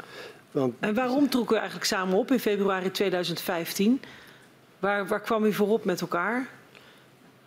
Uh, dat ging toen over het besluit van Wiebes, hè? Dus, uh, nee, sorry, van, uh, van, van Kamp. Het gaswinningbesluit. Uh, ja, we wilden de gaswinning omlaag hebben. Ja. En dat was ons gemeenschappelijk standpunt. En ja, als, je, als, je, als het kan, dan moet je samen optrekken. Dat, dat, ja. dan, dan, sta je gewoon sterker naar Den Haag toe. En dat is dan met de lokale overheden gelukt, met provincie en gemeente. Kan ik dan gelijk afconcluderen dat eigenlijk Den Haag dan het minst met uw input heeft gedaan? Nou, ik wil het verhaal van de gemeente en de, en de provincie is nog niet af. Want uh, wat ik al zei, ze vonden ons vaak wel lastig. Uh, dus ze zaten het liefst alleen met de minister aan tafel. Dat kun je wel zeggen. Als het om echt onderhandelen ging, dan vonden ze ons maar lastig. Dan moesten wij daar niet bij. Uh, en daarom werden ook alle besluiten van de, het overleggen met de minister werd al van tevoren helemaal, uh, die waren helemaal afgetikt. Ja. En als wij erbij kwamen was het al in kannen en kruiken. En waar bleek dat dan uit dat ze u lastig vonden? Nou, wat ik al noemde, dat, uh, dat, burgemeesters kwaad werden als wij afweken van, van de, zeg maar, de annotatie van de vergadering. Ehm, ehm, en we hebben, het is ook gebleken dat uh, toen de maatschappelijke stuurgroep werd opgeheven, toen hebben wij een paar keer geprobeerd, met name ook het gasberaad, om een nieuw soort overleg in, tot stand te brengen. Samen met de burgemeesters en de, en de provincie en mensen uit Den Haag. Maar dat is nooit, nooit uh, gestimuleerd of ondersteund door de provincie en de burgemeesters. En in, in uh, nog een ander voorbeeld. Uh, het bestuursakkoord van november 2020. Daar komen we zo Toen, uh, oh, weet niet gehad. Ja, daar kunnen we zo inderdaad met, uh, met, met, met, met u naartoe. ja. Um, want de bodembeweging en het gasberaad die plaatsen dus geen handtekening uh, onder het bestuursakkoord van 2020, omdat het over de hoofden van de bewoners is gesloten. Ja. Um, dus aan een quote. Ja. Tot welk moment heeft u nog wel meegesproken over de inhoud van dat akkoord? Nou, ik denk als je terugkijkend uh, daar iets over wilt zeggen, dan moet je zeggen van tot de zomer mm -hmm. van 2020. Toen, uh, daarvoor werden wij uh, betrokken in discussies van, van wat zal onze opstelling moeten zijn naar Den Haag toe. En ik weet nog wel dat ik in de zomer heb ik nog een schriftelijke bijdrage geleverd aan een ambtenaar die dan daar iets mee moest gaan doen. Maar dat was na de zomer verdwenen, dat stuk. En, uh, en waar ging dat en toen bleek over? over? dat, toen bleek overigens ook, het bleef heel lang stil. En toen kregen wij plotseling een uitnodiging van een paar uh,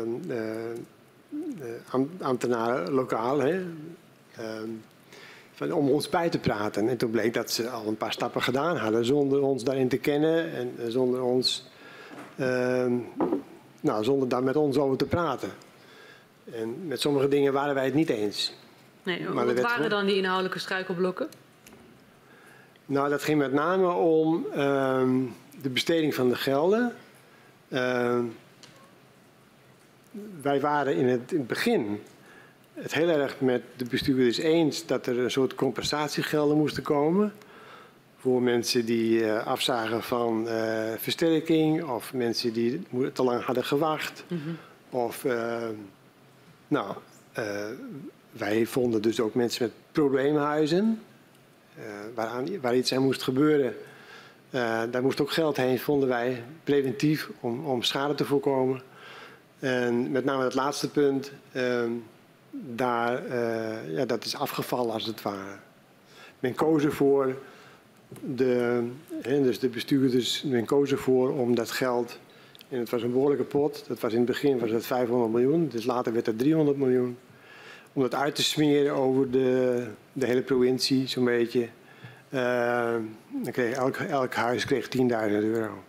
Ja. Nou, daar waren wij op tegen, want uh, ja, er waren ook heel veel mensen bij die hebben nooit een probleem gehad met de hele gaswinnings, gaswinningsproblematiek. En wij wilden dus dat dat geld ging naar uh, gezinnen met een probleemhuis. Mm -hmm. Die moesten vrezen dat ze nog twee, drie keer schade zouden kunnen krijgen door die bevingen. En wij vonden dat dat preventief moest worden aangepakt. Ja, dus door de inzet van de provincies en de gemeenten is dat bedrag van 500 miljoen anders besteed dan wat u had gevraagd. Klopt, ja. En wat concreet, u zegt 300 miljoen, dus 200 miljoen werd dan door de gemeente nou, dit is informatie die hoorde ik van uh, de mensen van BZK. Dat uh, er is geld van die pot weggegaan naar het gemeentefonds. Uh, ik moet er meteen bij zeggen dat de onderhandelingen waren ingezet door het Rijk met een maximumbedrag. dus die zeiden van niet meer dan zoveel. Ja, en dan krijg je dus onderhandelingen over hoe, die, hoe het totaalbedrag verdeeld moet gaan worden. Ja. Daar, was, daar was het gesprek over. Dus het is niet helemaal reëel om te zeggen van die gemeente heeft het geld eraf gepikt van die pot. Uh, het is, je kunt ook net zo goed zeggen van het Rijk had meer moeten betalen. Snap je? Dan had, en, en de gemeente waren tevreden geweest en ook die pot met geld voor de bewoners was ook gelijk, uh, gelijk gebleven. Hè? Dus het is een gedeelde verantwoordelijkheid wat je dan hebt. Ja. Uh, maar in ieder geval, dat geld werd uitgesmeerd over heel veel uh, huizen. Mm -hmm. Voor woningverbetering. Waardoor dus de prijzen van de aannemers en de installateurs in Groningen niet meer zijn te betalen. Ja. Ja. En, en dus het onderdeel van die uitwerking van dat akkoord is de subsidie verduurzaming en verbetering Groningen. Um, en op 10 januari 2022 stonden duizenden inwoners van Groningen in de rij voor deze subsidie. Um, en het samenwerkingsverband Noord-Nederland, SNN, was uitvoerder van die regeling. En wordt ook wel de SNN-subsidie genoemd.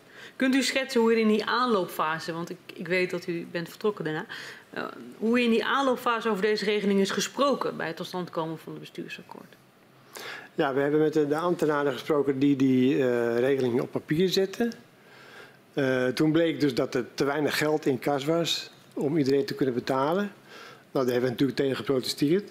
Van dat, kun je zo niet doen. Uh, en verder was het zo dat zij in het begin uh, de regeling zo hadden dat je dan binnen, nou ik weet niet meer precies, twee of drie jaar moest je dat dan ophalen, dat geld, besteden.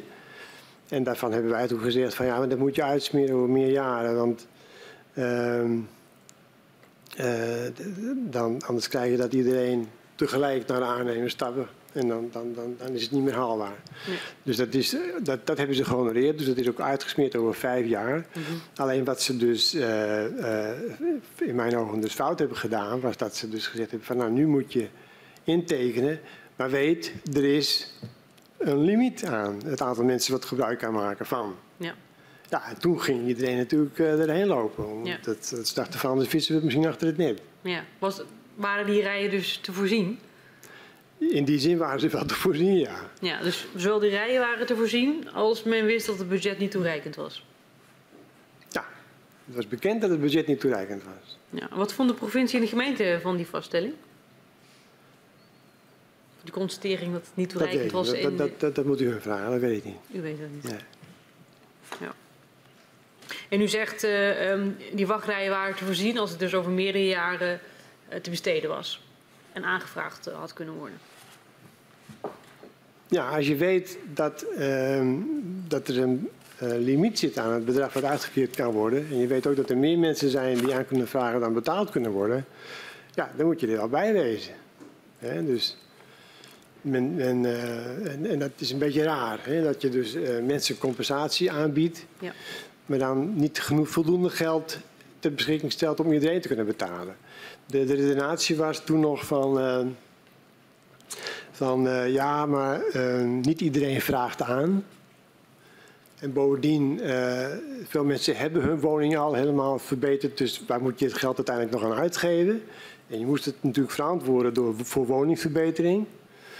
Dus ehm, Dat was de redenatie. Van, Ja. van nou, 300 miljoen is misschien wel genoeg. En er werd natuurlijk ook bijgezegd door de ambtenaren, let wel de ambtenaren, niet de minister. Dan, eh, nou ja, als het niet genoeg blijkt, dan wordt er wel wat geregeld. Maar dat werd niet, dat, dat, dat werd niet publiek gemaakt. Nee. nee. Dank u wel. Op welke manier vertegenwoordigt de bodembeweging nou niet leden? En ik vraag dat omdat u vaak wordt gezien als een eh, bewonersvertegenwoordiging.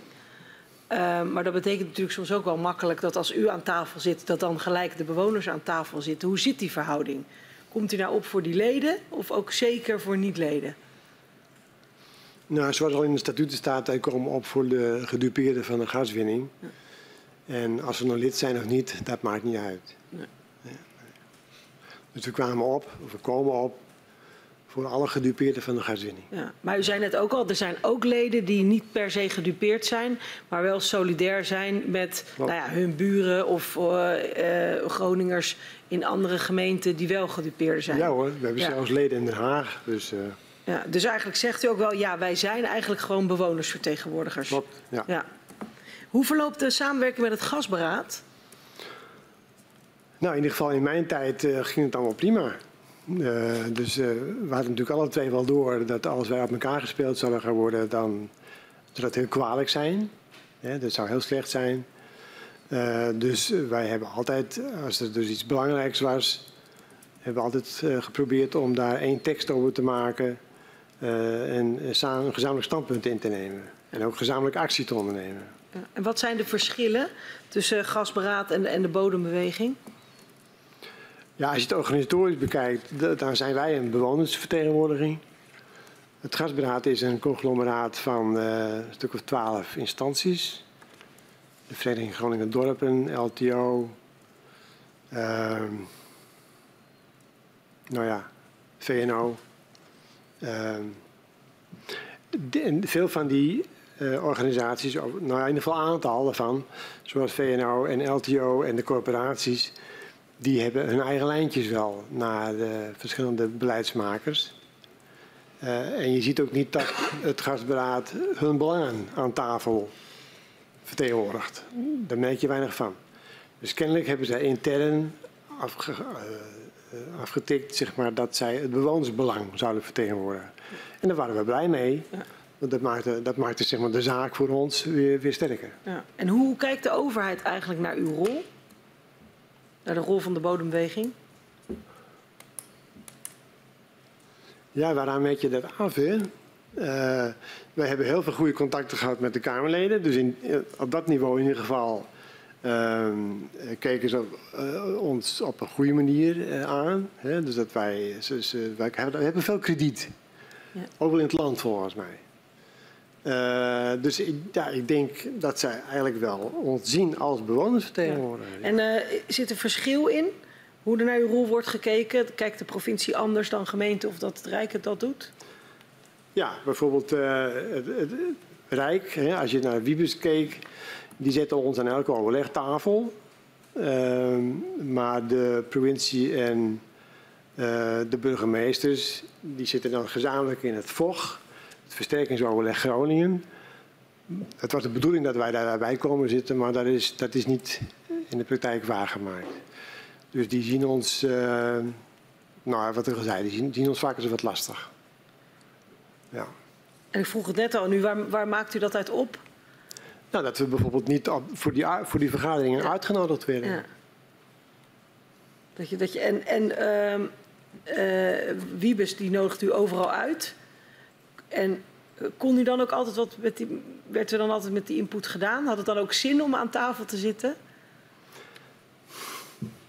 Nou, om een voorbeeld te geven, ik zat, aan- ik zat zelf aan tafel governance. En eh, we hebben daar geloof ik een jaar lang gepraat over hoe de governance in elkaar moest gaan zitten. Eh, en ik was het niet eens met het, met het uiteindelijk het besluit. Ik heb steeds gepleit voor een sterke NCG.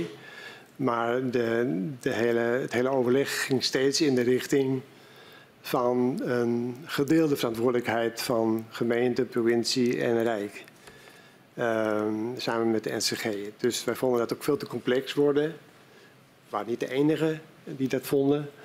Maar daar is niks mee gedaan, nee. En als wij dan later bij de eerste ontwerpen van, van een wet dus spraken met de, de ambtenaren, en we noemden dat steeds weer, ja, en dan kreeg je van, van die wanhopige blikken van de ambtenaren. Die zeiden van ja, we zitten vast aan de beleidsregels. Met de, met de, de afspraken met de bestuurders. Dus in die zin hadden wij weinig invloed. Ja, bij, bij Wiebes. En u zei net van ja, we werden als lastig ervaren bij de provincie en de gemeente. De heer Wallagen zei in het voor hiervoor daar eigenlijk over. Dat het ook moeilijk is om, zeg maar, nou ja, de, de, degene die via democratische wegen gelegitimeerde macht heeft. Om dat dan los te laten en ruimte te geven aan directe bewonersparticipatie. Deelt ja. u ook dat dat een reden kan zijn waarom u dan niet steeds aan die tafels werd uitgenodigd door gemeente en provincie? Nou, het zou kunnen. Het, het, hè, dus ik, ik, weet wel dat, dat uh, bepaalde burgemeesters dachten echt zo over, burgemeesters. Uh, van ja, wij zijn toch de vertegenwoordigers van, van de mensen hier.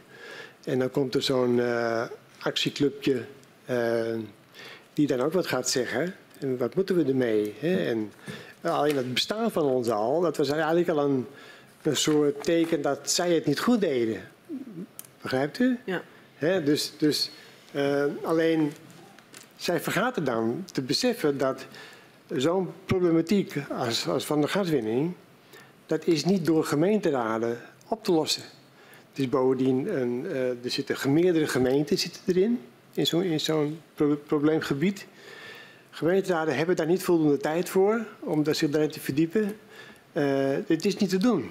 Dus uh, een, een belangenorganisatie die burgers vertegenwoordigt op een goede manier en, en in ieder geval hun standpunten kenbaar maakt, dat is een hele goede zaak.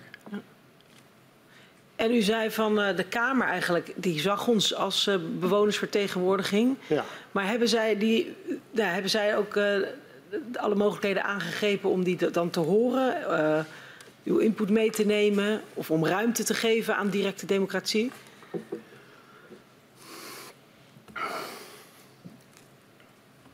Nou, we kregen altijd wel een, een, een, een, goed gehoor bij de Kamerleden. Uh, maar, nou ja, om het kort te zeggen, ik heb wel eens een Kamerlid aan de telefoon gehad dat ik zei van eigenlijk zie ik het nut er niet meer van in dat ik met u spreek. Uh, er, wordt, er werd steeds in de Kamerdebatten wordt er steeds van alles gezegd door de Kamerleden. Dat ze, dat ze het beleid anders willen en dat ze kritiek hebben op dit of dat of dat. Maar als puntje bij paaltje komt, trekt de coalitie weer één lijn en bleef de minister zitten. En dat heb ik wel als een, uh, nou, als een uh, tekortkoming van de democratie beschouwd, ja. En waar ging het specifiek over toen u zei, ik zie het nut er niet meer van in? Nou, er was een Kamerlid, daar belde ik zo één keer eh, per half jaar mee om te horen, om, voor haar om te horen dat, dat, uh, wat allemaal mis was nu en wat er speelde hier in Groningen. En uh, dus die praatte ik een beetje bij. En wat, de, wat, de, actuele problemen waren. En ja, maar dat geldt niet alleen voor haar natuurlijk. Dat geldt ook voor anderen. Hè? Dus, dus in, op plaats word je erg cynisch dat je hoort de meest uh, uh, verre discussies in, in het Kamerdebat. En het wordt dan ook duidelijk dat de Kamerleden de problemen zien van de mensen. Maar ze staan er niet voor als het erop aankomt. Dan is toch weer een politieke afweging wat ermee wordt gedaan. En dan is het dat belang of dat belang. Dat, dat, dat weet je dan niet. Het speelt zich natuurlijk achter de schermen af van de coalitie natuurlijk ook. Maar uh, het is nooit zo geweest dat er een minister bijna is weggestuurd. Dus dat is eigenlijk een, een, Ik zou het ook als een van de vragen die wou ik aan het eind stellen, maar aan, aan u meegeven. Van wat is de rol eigenlijk van de Kamer zelf geweest? Ja. He, nou, wat is die rol, heeft, als u die vraag mag beantwoorden, u heeft het net al even kort gedaan. Wat is de rol van de Kamer geweest?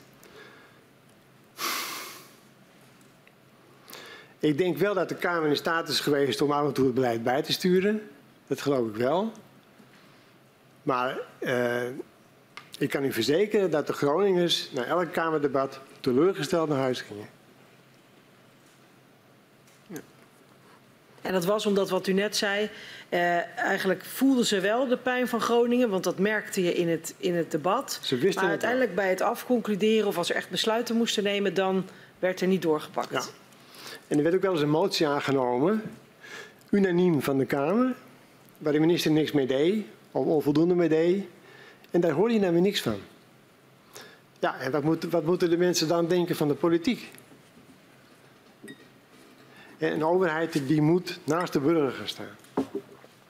En als de mensen begrijpen dat dat niet zo is, ook hun vertegenwoordigers niet in de Tweede Kamer, ja, dan, dan, dan verdwijnt het vertrouwen.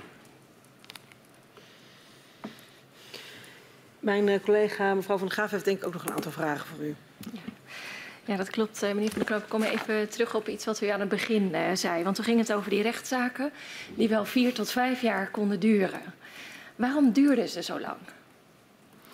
Ja, de NAM, eh, dat ging over civiele zaken. Ja. Ehm, eh, als je dus eh, niet, een- niet eens was met de NAM, wat betreft de schadeuitkering, vergoeding, dan, ja, dan ga je in hoger beroep. Of je ga je naar de rechter toe eerst natuurlijk.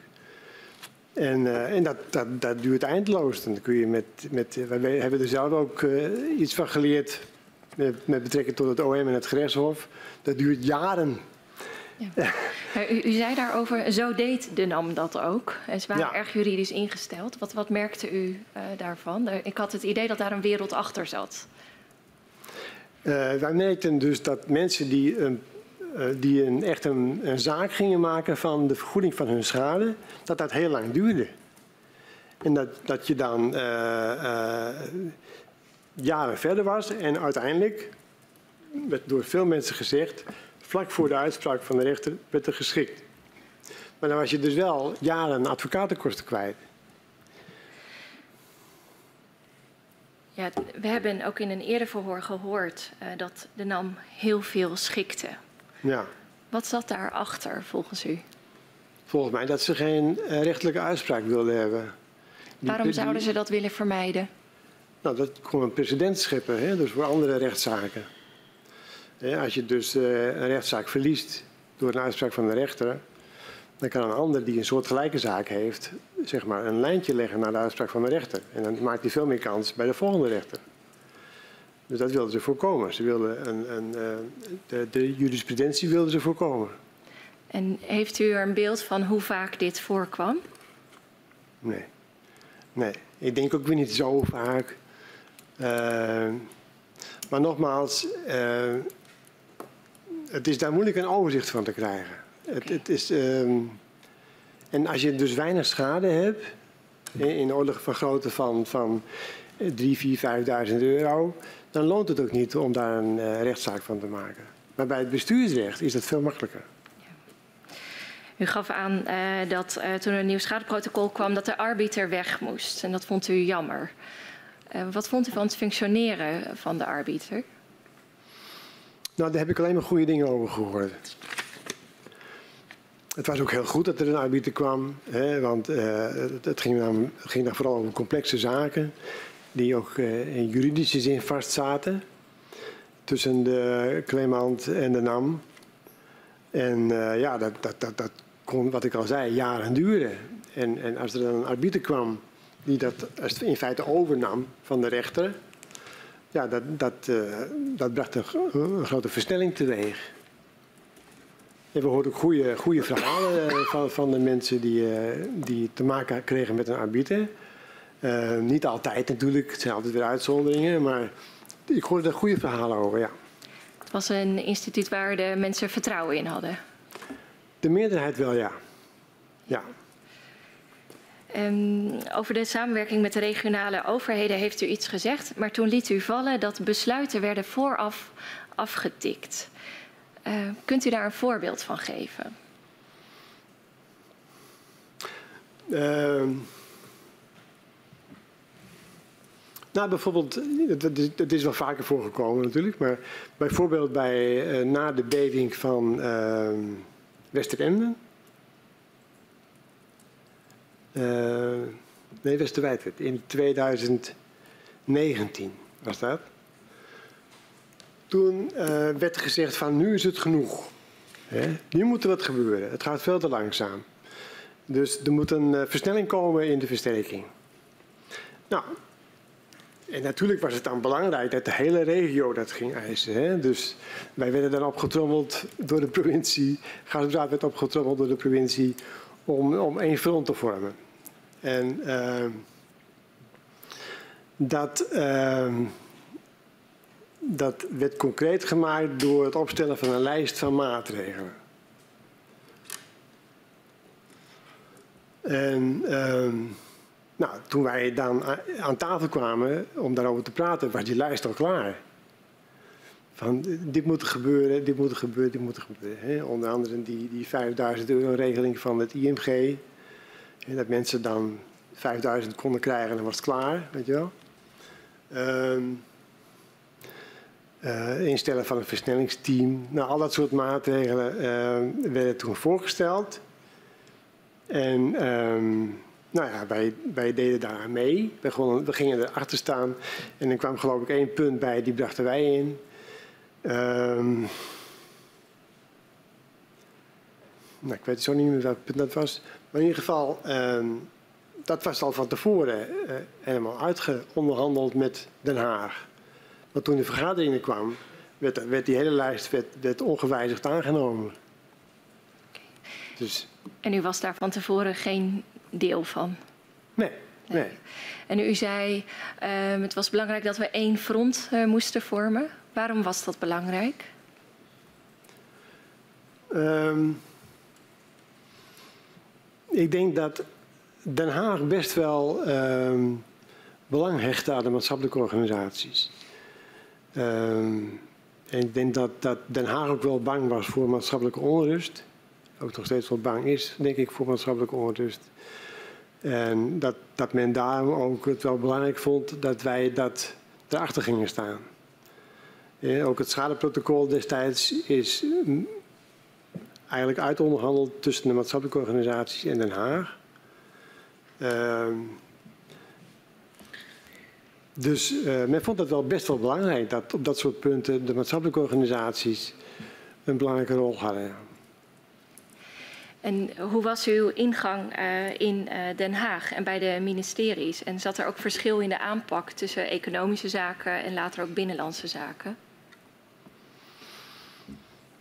Wij hadden niet een, uh, een eigen ingang bij de ministeries. Wel dat wanneer er dus voorstellen op tafel kwamen die besproken moesten worden, dan hadden wij apart overleg met de ambtenaren. En dat was bij eh, BZK nog wel wat intensiever dan bij EZK. Ik denk dat BZK uh, wat dat betreft wat transparanter en wat opener was dan de mensen bij EZK, maar dat is een, misschien een subtiel verschil. Um, af en toe hadden wij overleg met de ambtenaren. Op dat niveau. Niet, uh, ook in die, in die, uh, in die werkgroepen, die, die tafels. En er zaten uiteraard ambtenaren aan tafel. Dus op dat niveau hadden wij, hadden wij contact en ingaan. Ja. En die mensen konden u bellen? Ja, ja. ja. en mailen, dus dat, dat kwam ook vaak voor. Ja. Uh, alleen, we hadden een adviesfunctie. Hè? En dat, dat, wilden wij ook. We hadden geen mede, mede besluitvormende functie. Ja. Dank u wel. Um, over het betrekken van bewoners. Uh, het onlangs ondertekende sociaal handvest. Levert dat een bijdrage? Dat moet nog blijken. Uh, Vereniging Eigen Huis, Groningen uh, Gasberaad en Groningen Bodembeweging hebben dus zo'n sociaal handvest op papier gezet. Dat was ergens begin van 2021. En uh, de ministerie zag dat wel zitten eigenlijk. Dus die vonden dat wel een, uh, een sympathiek document. En ze zeiden van nou, dat willen we eigenlijk wel mee ondertekenen als, uh, als er hier en daar wat aanpassingen komen. Nou, de scherpe randjes moesten er natuurlijk af. En er moest ook iets, iets in algemene woordingen, bewoordingen moest het gesteld worden. en het mocht zeker natuurlijk geen juridisch stuk worden. Dat, dat, dat kon niet. Uh, nou, ik ben die uitdaging toch aangegaan en heb uiteindelijk uh, een tekst gekregen waar iedereen mee in kon stemmen. Ja. En nu hangt het van het vervolg af of dat zin heeft. Hè. De, de maatschappelijke organisaties die moeten nu aan de bel trekken. Als zij denken dus dat de maatregelen of het beleid niet in overeenstemming is met uh, het sociaal handvest, dan moeten zij aan de bel trekken. En de ministeries, of nu het ministerie van EZK en ook NCG, IMG, die moeten nu uitleggen waarom ze niet voldoen aan het handvest. Ja. En dat levert een platform aan discu voor discussie. Ja. Een soort omkering van de bewijslast. Nou ja, uh, de, wat er in, in de tekst staat over dat, die omkering van een bewijslast. Nee, ik bedoel het niet zo inhoudelijk, maar qua, oh. qua thematiek van nou, mag de overheid gaan uitleggen waarom ze niet ja, gehouden okay. zijn, of tenminste ja, zich hebben gehouden aan de sociale handvest. Ja. Maar het gaat bijvoorbeeld ook over, over uh, het uh, economische perspectief van Groningen. Ja. En er staat in dat Groningen een economische toekomst, of een economisch perspectief moet worden geboden. Eens. Uh, wat vond u als voorzitter de moeilijkste momenten in die belangenbehartiging?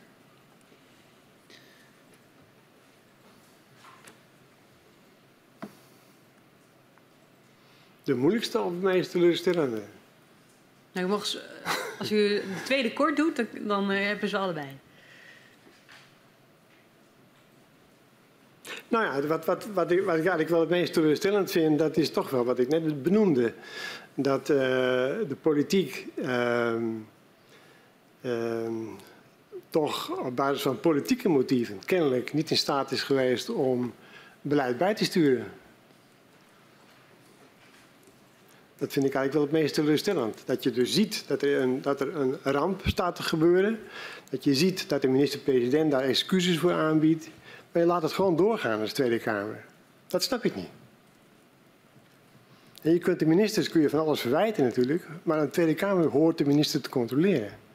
En als het nou niet werkt wat er gebeurt, dan moet je als Kamer daar dus iets aan doen. Ja.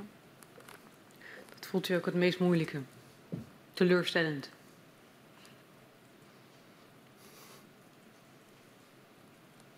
Ik zie dat dit u ook raakt.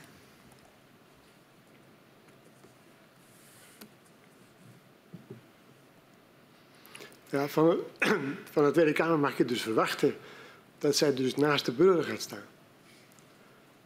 En uh, als al zo lang bekend is dat het misgaat en dat het zeg maar uh, acht jaar duurt voordat de overheid de verantwoordelijkheid van een particulier bedrijf heeft overgenomen, de aansprakelijkheid, dat, is toch, dat is toch van de zotte. Ja. Um, um, later is uh, Stichting Stut en Steun uh, opgericht. Kunt u daar iets over vertellen waarom, um, waarom het is opgericht? Nou, uh, toen wij uit de dialoogtafel waren gestapt, toen kwam dus de, maatschappelijke stuurgroep. En toen hebben wij, hebben wij voorwaarden gesteld voor deelname in de maatschappelijke stuurgroep. En een van de voorwaarden was dat er een, een hulporganisatie kwam die de burger die in de problemen zat bij ging staan. Op een algemeen niveau. Niet, niet als zaakbehartiger of zoiets, maar hulp, zeg maar, bij het op een rijtje zetten van alle documenten en problemen en de opties aangeven wat ze kunnen doen, et cetera. Nou, daar, daar, kregen we het gaspraat ook in mee. En zo is het Steun opgericht, want de NCG die vond dat ook heel belangrijk. Um, en die heeft dat dus financieel mogelijk gemaakt. Um, ik moet erbij zeggen dat een aanvullende reden voor ons was dat we kregen natuurlijk ook voortdurend mensen aan de telefoon van kun je dit of kun je dat en ja. ik heb hulp nodig. Dat konden wij niet aan. Dat was gewoon heel veel werk. Ja, en maar bovendien, ja, wij zijn vrijwilligers. Hè? Ja. Uh, dus uh, dat konden we totaal niet aan. Totaal niet aan. Het, het, was al bijna een fulltime baan. En dan moest je ook nog andere mensen gaan helpen. Hoe graag we dat ook deden, we konden het gewoon niet. Ja. Uh, dus uh, op zo'n manier konden we dat probleem oplossen. Ja, en hoeveel mensen konden u dan of uw steunpunt jaar, jaarlijks uh, ondersteunen, bijstaan? Wat nou ja, dat, zijn honderden. Nou, dat zijn honderden. Er werken nu uh, 22 mensen. Uh, en die werken gewoon in loondienst. En uh, ja, dat, dat zijn zeg maar 100 per maand of zoiets die ze dan kunnen helpen. Ja. En, en zo- zo'n zaak is natuurlijk niet meteen afgelopen, dus ze stapelen ze ook heel wat op. Ehm, ze doen heel nuttig werk. Ehm, wat doet het huidige debat over de gaswinning eh, met de Groningers? U bedoelt met eh het weer opendraaien van de kraan. Ja.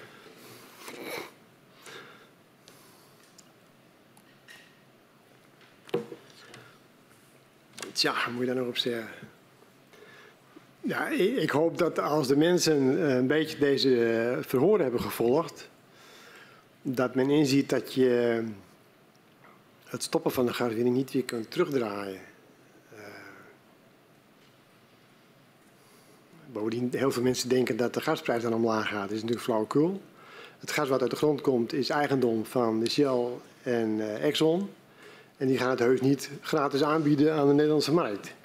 Nee, die gaan het tegen marktprijs, wereldmarktprijs verkopen. Dus eh, denken dat de gasprijs gaat dalen is onzin. Eh, nou ja, je kunt er wel heel veel geld mee verdienen natuurlijk, met, met, met het gas. En dat kun je dan op een andere manier inzetten in Nederland. Dat zou kunnen, ja. Dat zou kunnen. En dan, dan, dan ja, op die manier behartig je weer het belang van veel Nederlanders. Want die hebben allemaal een probleem nu in de, in in de beurs. Maar alleen je gaat dan weer ten koste van de Groningers. Eh, ja, dat, dat kun je gewoon niet maken. Dat kun je niet maken. Ehm, ehm, u liet al een vraag... eh, Paulien, mag ik nog iets over zeggen? Zeker. Heel veel huizen zijn beoordeeld en moeten nog beoordeeld worden. Ehm, dat gebeurt op basis, op basis van bepaalde modellen. Het dreigingsbeeld ook, hè, wat er is. Hoeveel bevingen kunnen er komen en hoe zwaar worden die enzovoort. Als je nu weer ehm, gaat zeggen we gaan gas winnen, dan gaat die dreiging weer omhoog lopen. Hè, dus de- het gevaar van zwaardere bevingen wordt weer groter. Dan moet je heel veel berekeningen moet je weer opnieuw doen. En ik denk dat heel veel mensen dan de staat kunnen aanklagen als ze dus gaan versterken op de manier waarop ze nu van plan zijn. Want het dreigingsbeeld klopt niet meer. De berekeningen op basis waarvan die versterkingen nu gepland zijn, kloppen niet meer. Nee. Nou, Ja. dan wordt het nog helemaal een puinhoop. Ehm, u, u verklaarde net zojuist al een, een, een belangrijke vraag te hebben over de rol van de Kamer. Hè? Dat, dat het een belangrijke vraag is die de enquêtecommissie moet beantwoorden. Heeft u andere vragen waarvan u vindt dat moeten wij als enquêtecommissie beantwoorden? Ja, ik heb nou ja, een aantal vragen die, die, ehm, die heb ik ook al in de afgelopen weken in de revue laten zien passeren. Dus die, die, die 53 miljard kuub uiteraard in 2013. Maar ik heb gezien dat jullie daar wel heel veel aandacht voor hebben. Ehm, de verwevenheid tussen EZ en de olies. Dat, dat men zich meer identificeert met het belang van de olies dan met de burger. Dat heb ik wel gezien. Er is wel aandacht voor. Wat ik wel interessant vind, een vraag is. Sorry. Ehm, op een bepaald ogenblik is een meidorm, meidamnorm er gekomen. Dus een huis mocht geen groter risico lopen dan 10 tot de min vijfde om in te storten. Ehm, in het begin sprak men nog van preventieve versteviging. En dan doelde men natuurlijk preventief eh, in de sfeer van schade. Je moest de huizen versterken, opdat zij dan in de toekomst geen schade zouden krijgen. Nou, dat is op een bepaald ogenblik achter de schermen omgedraaid. En men heeft zich enkel gefocust op onveiligheid. Ehm, dus het, het, het voorkomen van schade als issue is van de baan. Mensen, moesten in, mensen in Groningen moesten maar accepteren dat ze voortdurend last hielden van schade. Dat werd als een geaccepteerd risico voor de Groningers beschouwd. Eh, ja, het was aanvaard door de politici en door eh, de NAM, maar niet voor de burgers natuurlijk. hè. Eh, in de mijnbouwwet staat dat de mijnbouwer schade moet voorkomen, zoveel mogelijk. Ehm, waarom is dat helemaal van de baan gegaan toen? Dat is een heel interessante vraag. En wie heeft daar dus nu zeg maar, het definitief besluit op genomen? Was dat de overheid in samenspraak met de NAM? waren dat praktische problemen? Was, was dat een, een probleem van de aansprakelijkheid? Mhm. Dat is een, een, een draai geweest, zeg maar. Een tweede punt is de invoering en de toepassing van de HRA-methodiek. Uh, dat was begin uh, 2018. Uh, werd dat doorgezet. Uh, de minister omarmde dat, die HRA-methodiek. Ehm, terwijl er eigenlijk veel over te doen was. Wij werden al in maart door de NCG werden we dus um, uitgelegd zeg maar, dat, dat die HRA-methodiek ernstig tekort schoot. Bleek ook later. In feite is men er nu bijna helemaal vanaf. Behalve dan dat de scope van de hele versterking nog steeds bepaald is door die HRA-methodiek. En uh, de, alle toezeggingen die er in het verleden zijn gemaakt. Ja. dus dat is de scope. En dat, dat, ja, dat is nog steeds zo. Maar in feite is men dan in de praktijk afgestapt van die HRA-methodiek. Ja, want elk huis, is... elk huis wordt geïnspecteerd. Ja, en uw vraag is waarom dat is afgestapt? Uh... Waarom, waarom uh, en op, op, basis van welke overtuigingen ja, precies. Ja. is die HRA-methodiek ingevoerd? Okay. En dan tenslotte had ik nog een punt. um, de aansprakelijkheid. Um, nu heeft de, de overheid de aansprakelijkheid min of meer overgenomen. Mm -hmm. Ze rekenen dan wel eens af met de naam. Maar in eerste instantie is de, is de overheid aansprakelijk. Um, je moet ook tekenen hè, dat, je dus, dat, je, dat je de aansprakelijkheid van de NAM de streep doorzet en dan dat bij de overheid legt. Um, er is een uitspraak geweest door uh, ik weet, de, de Hoge Raad of zo, dat, dat, mm -hmm. dat ook EBN en de staat aansprakelijk zijn voor uh, de problemen met de gaswinning. Um, in hoeverre en hoe lang heeft het Rijk gedacht van wij zijn niet aansprakelijk voor de gevolgen van de gaswinning? Ja. En wanneer is dat omgebogen, Bogen. zeg maar? Ja. En om welke redenen? En wie heeft dat dan uiteindelijk besloten? Dank u wel. Dank. We zijn uh, uitgevraagd als uh, commissie. Okay. Ik uh, dank u hartelijk voor uw medewerking. En ik verzoek de griffier om u naar buiten te begeleiden.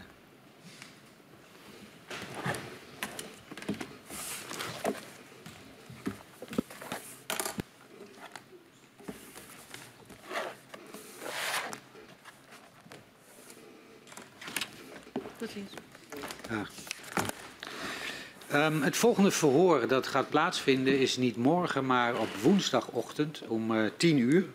Dan zullen we uh, de heer Van Elk uh, horen, die werkzaam was bij de NAM. En um, ja, hij heeft een ingewikkelde Engelse titel, Development Lead Groningen Asset. Die ging over de samenspel ja, tussen het veld, de gasopslagen, maar ook wel alle onderzoeken naar kennis, aardbevingen. Die gaan we woensdagochtend bespreken. Ik ga nu de vergadering uh, besluiten voor vandaag.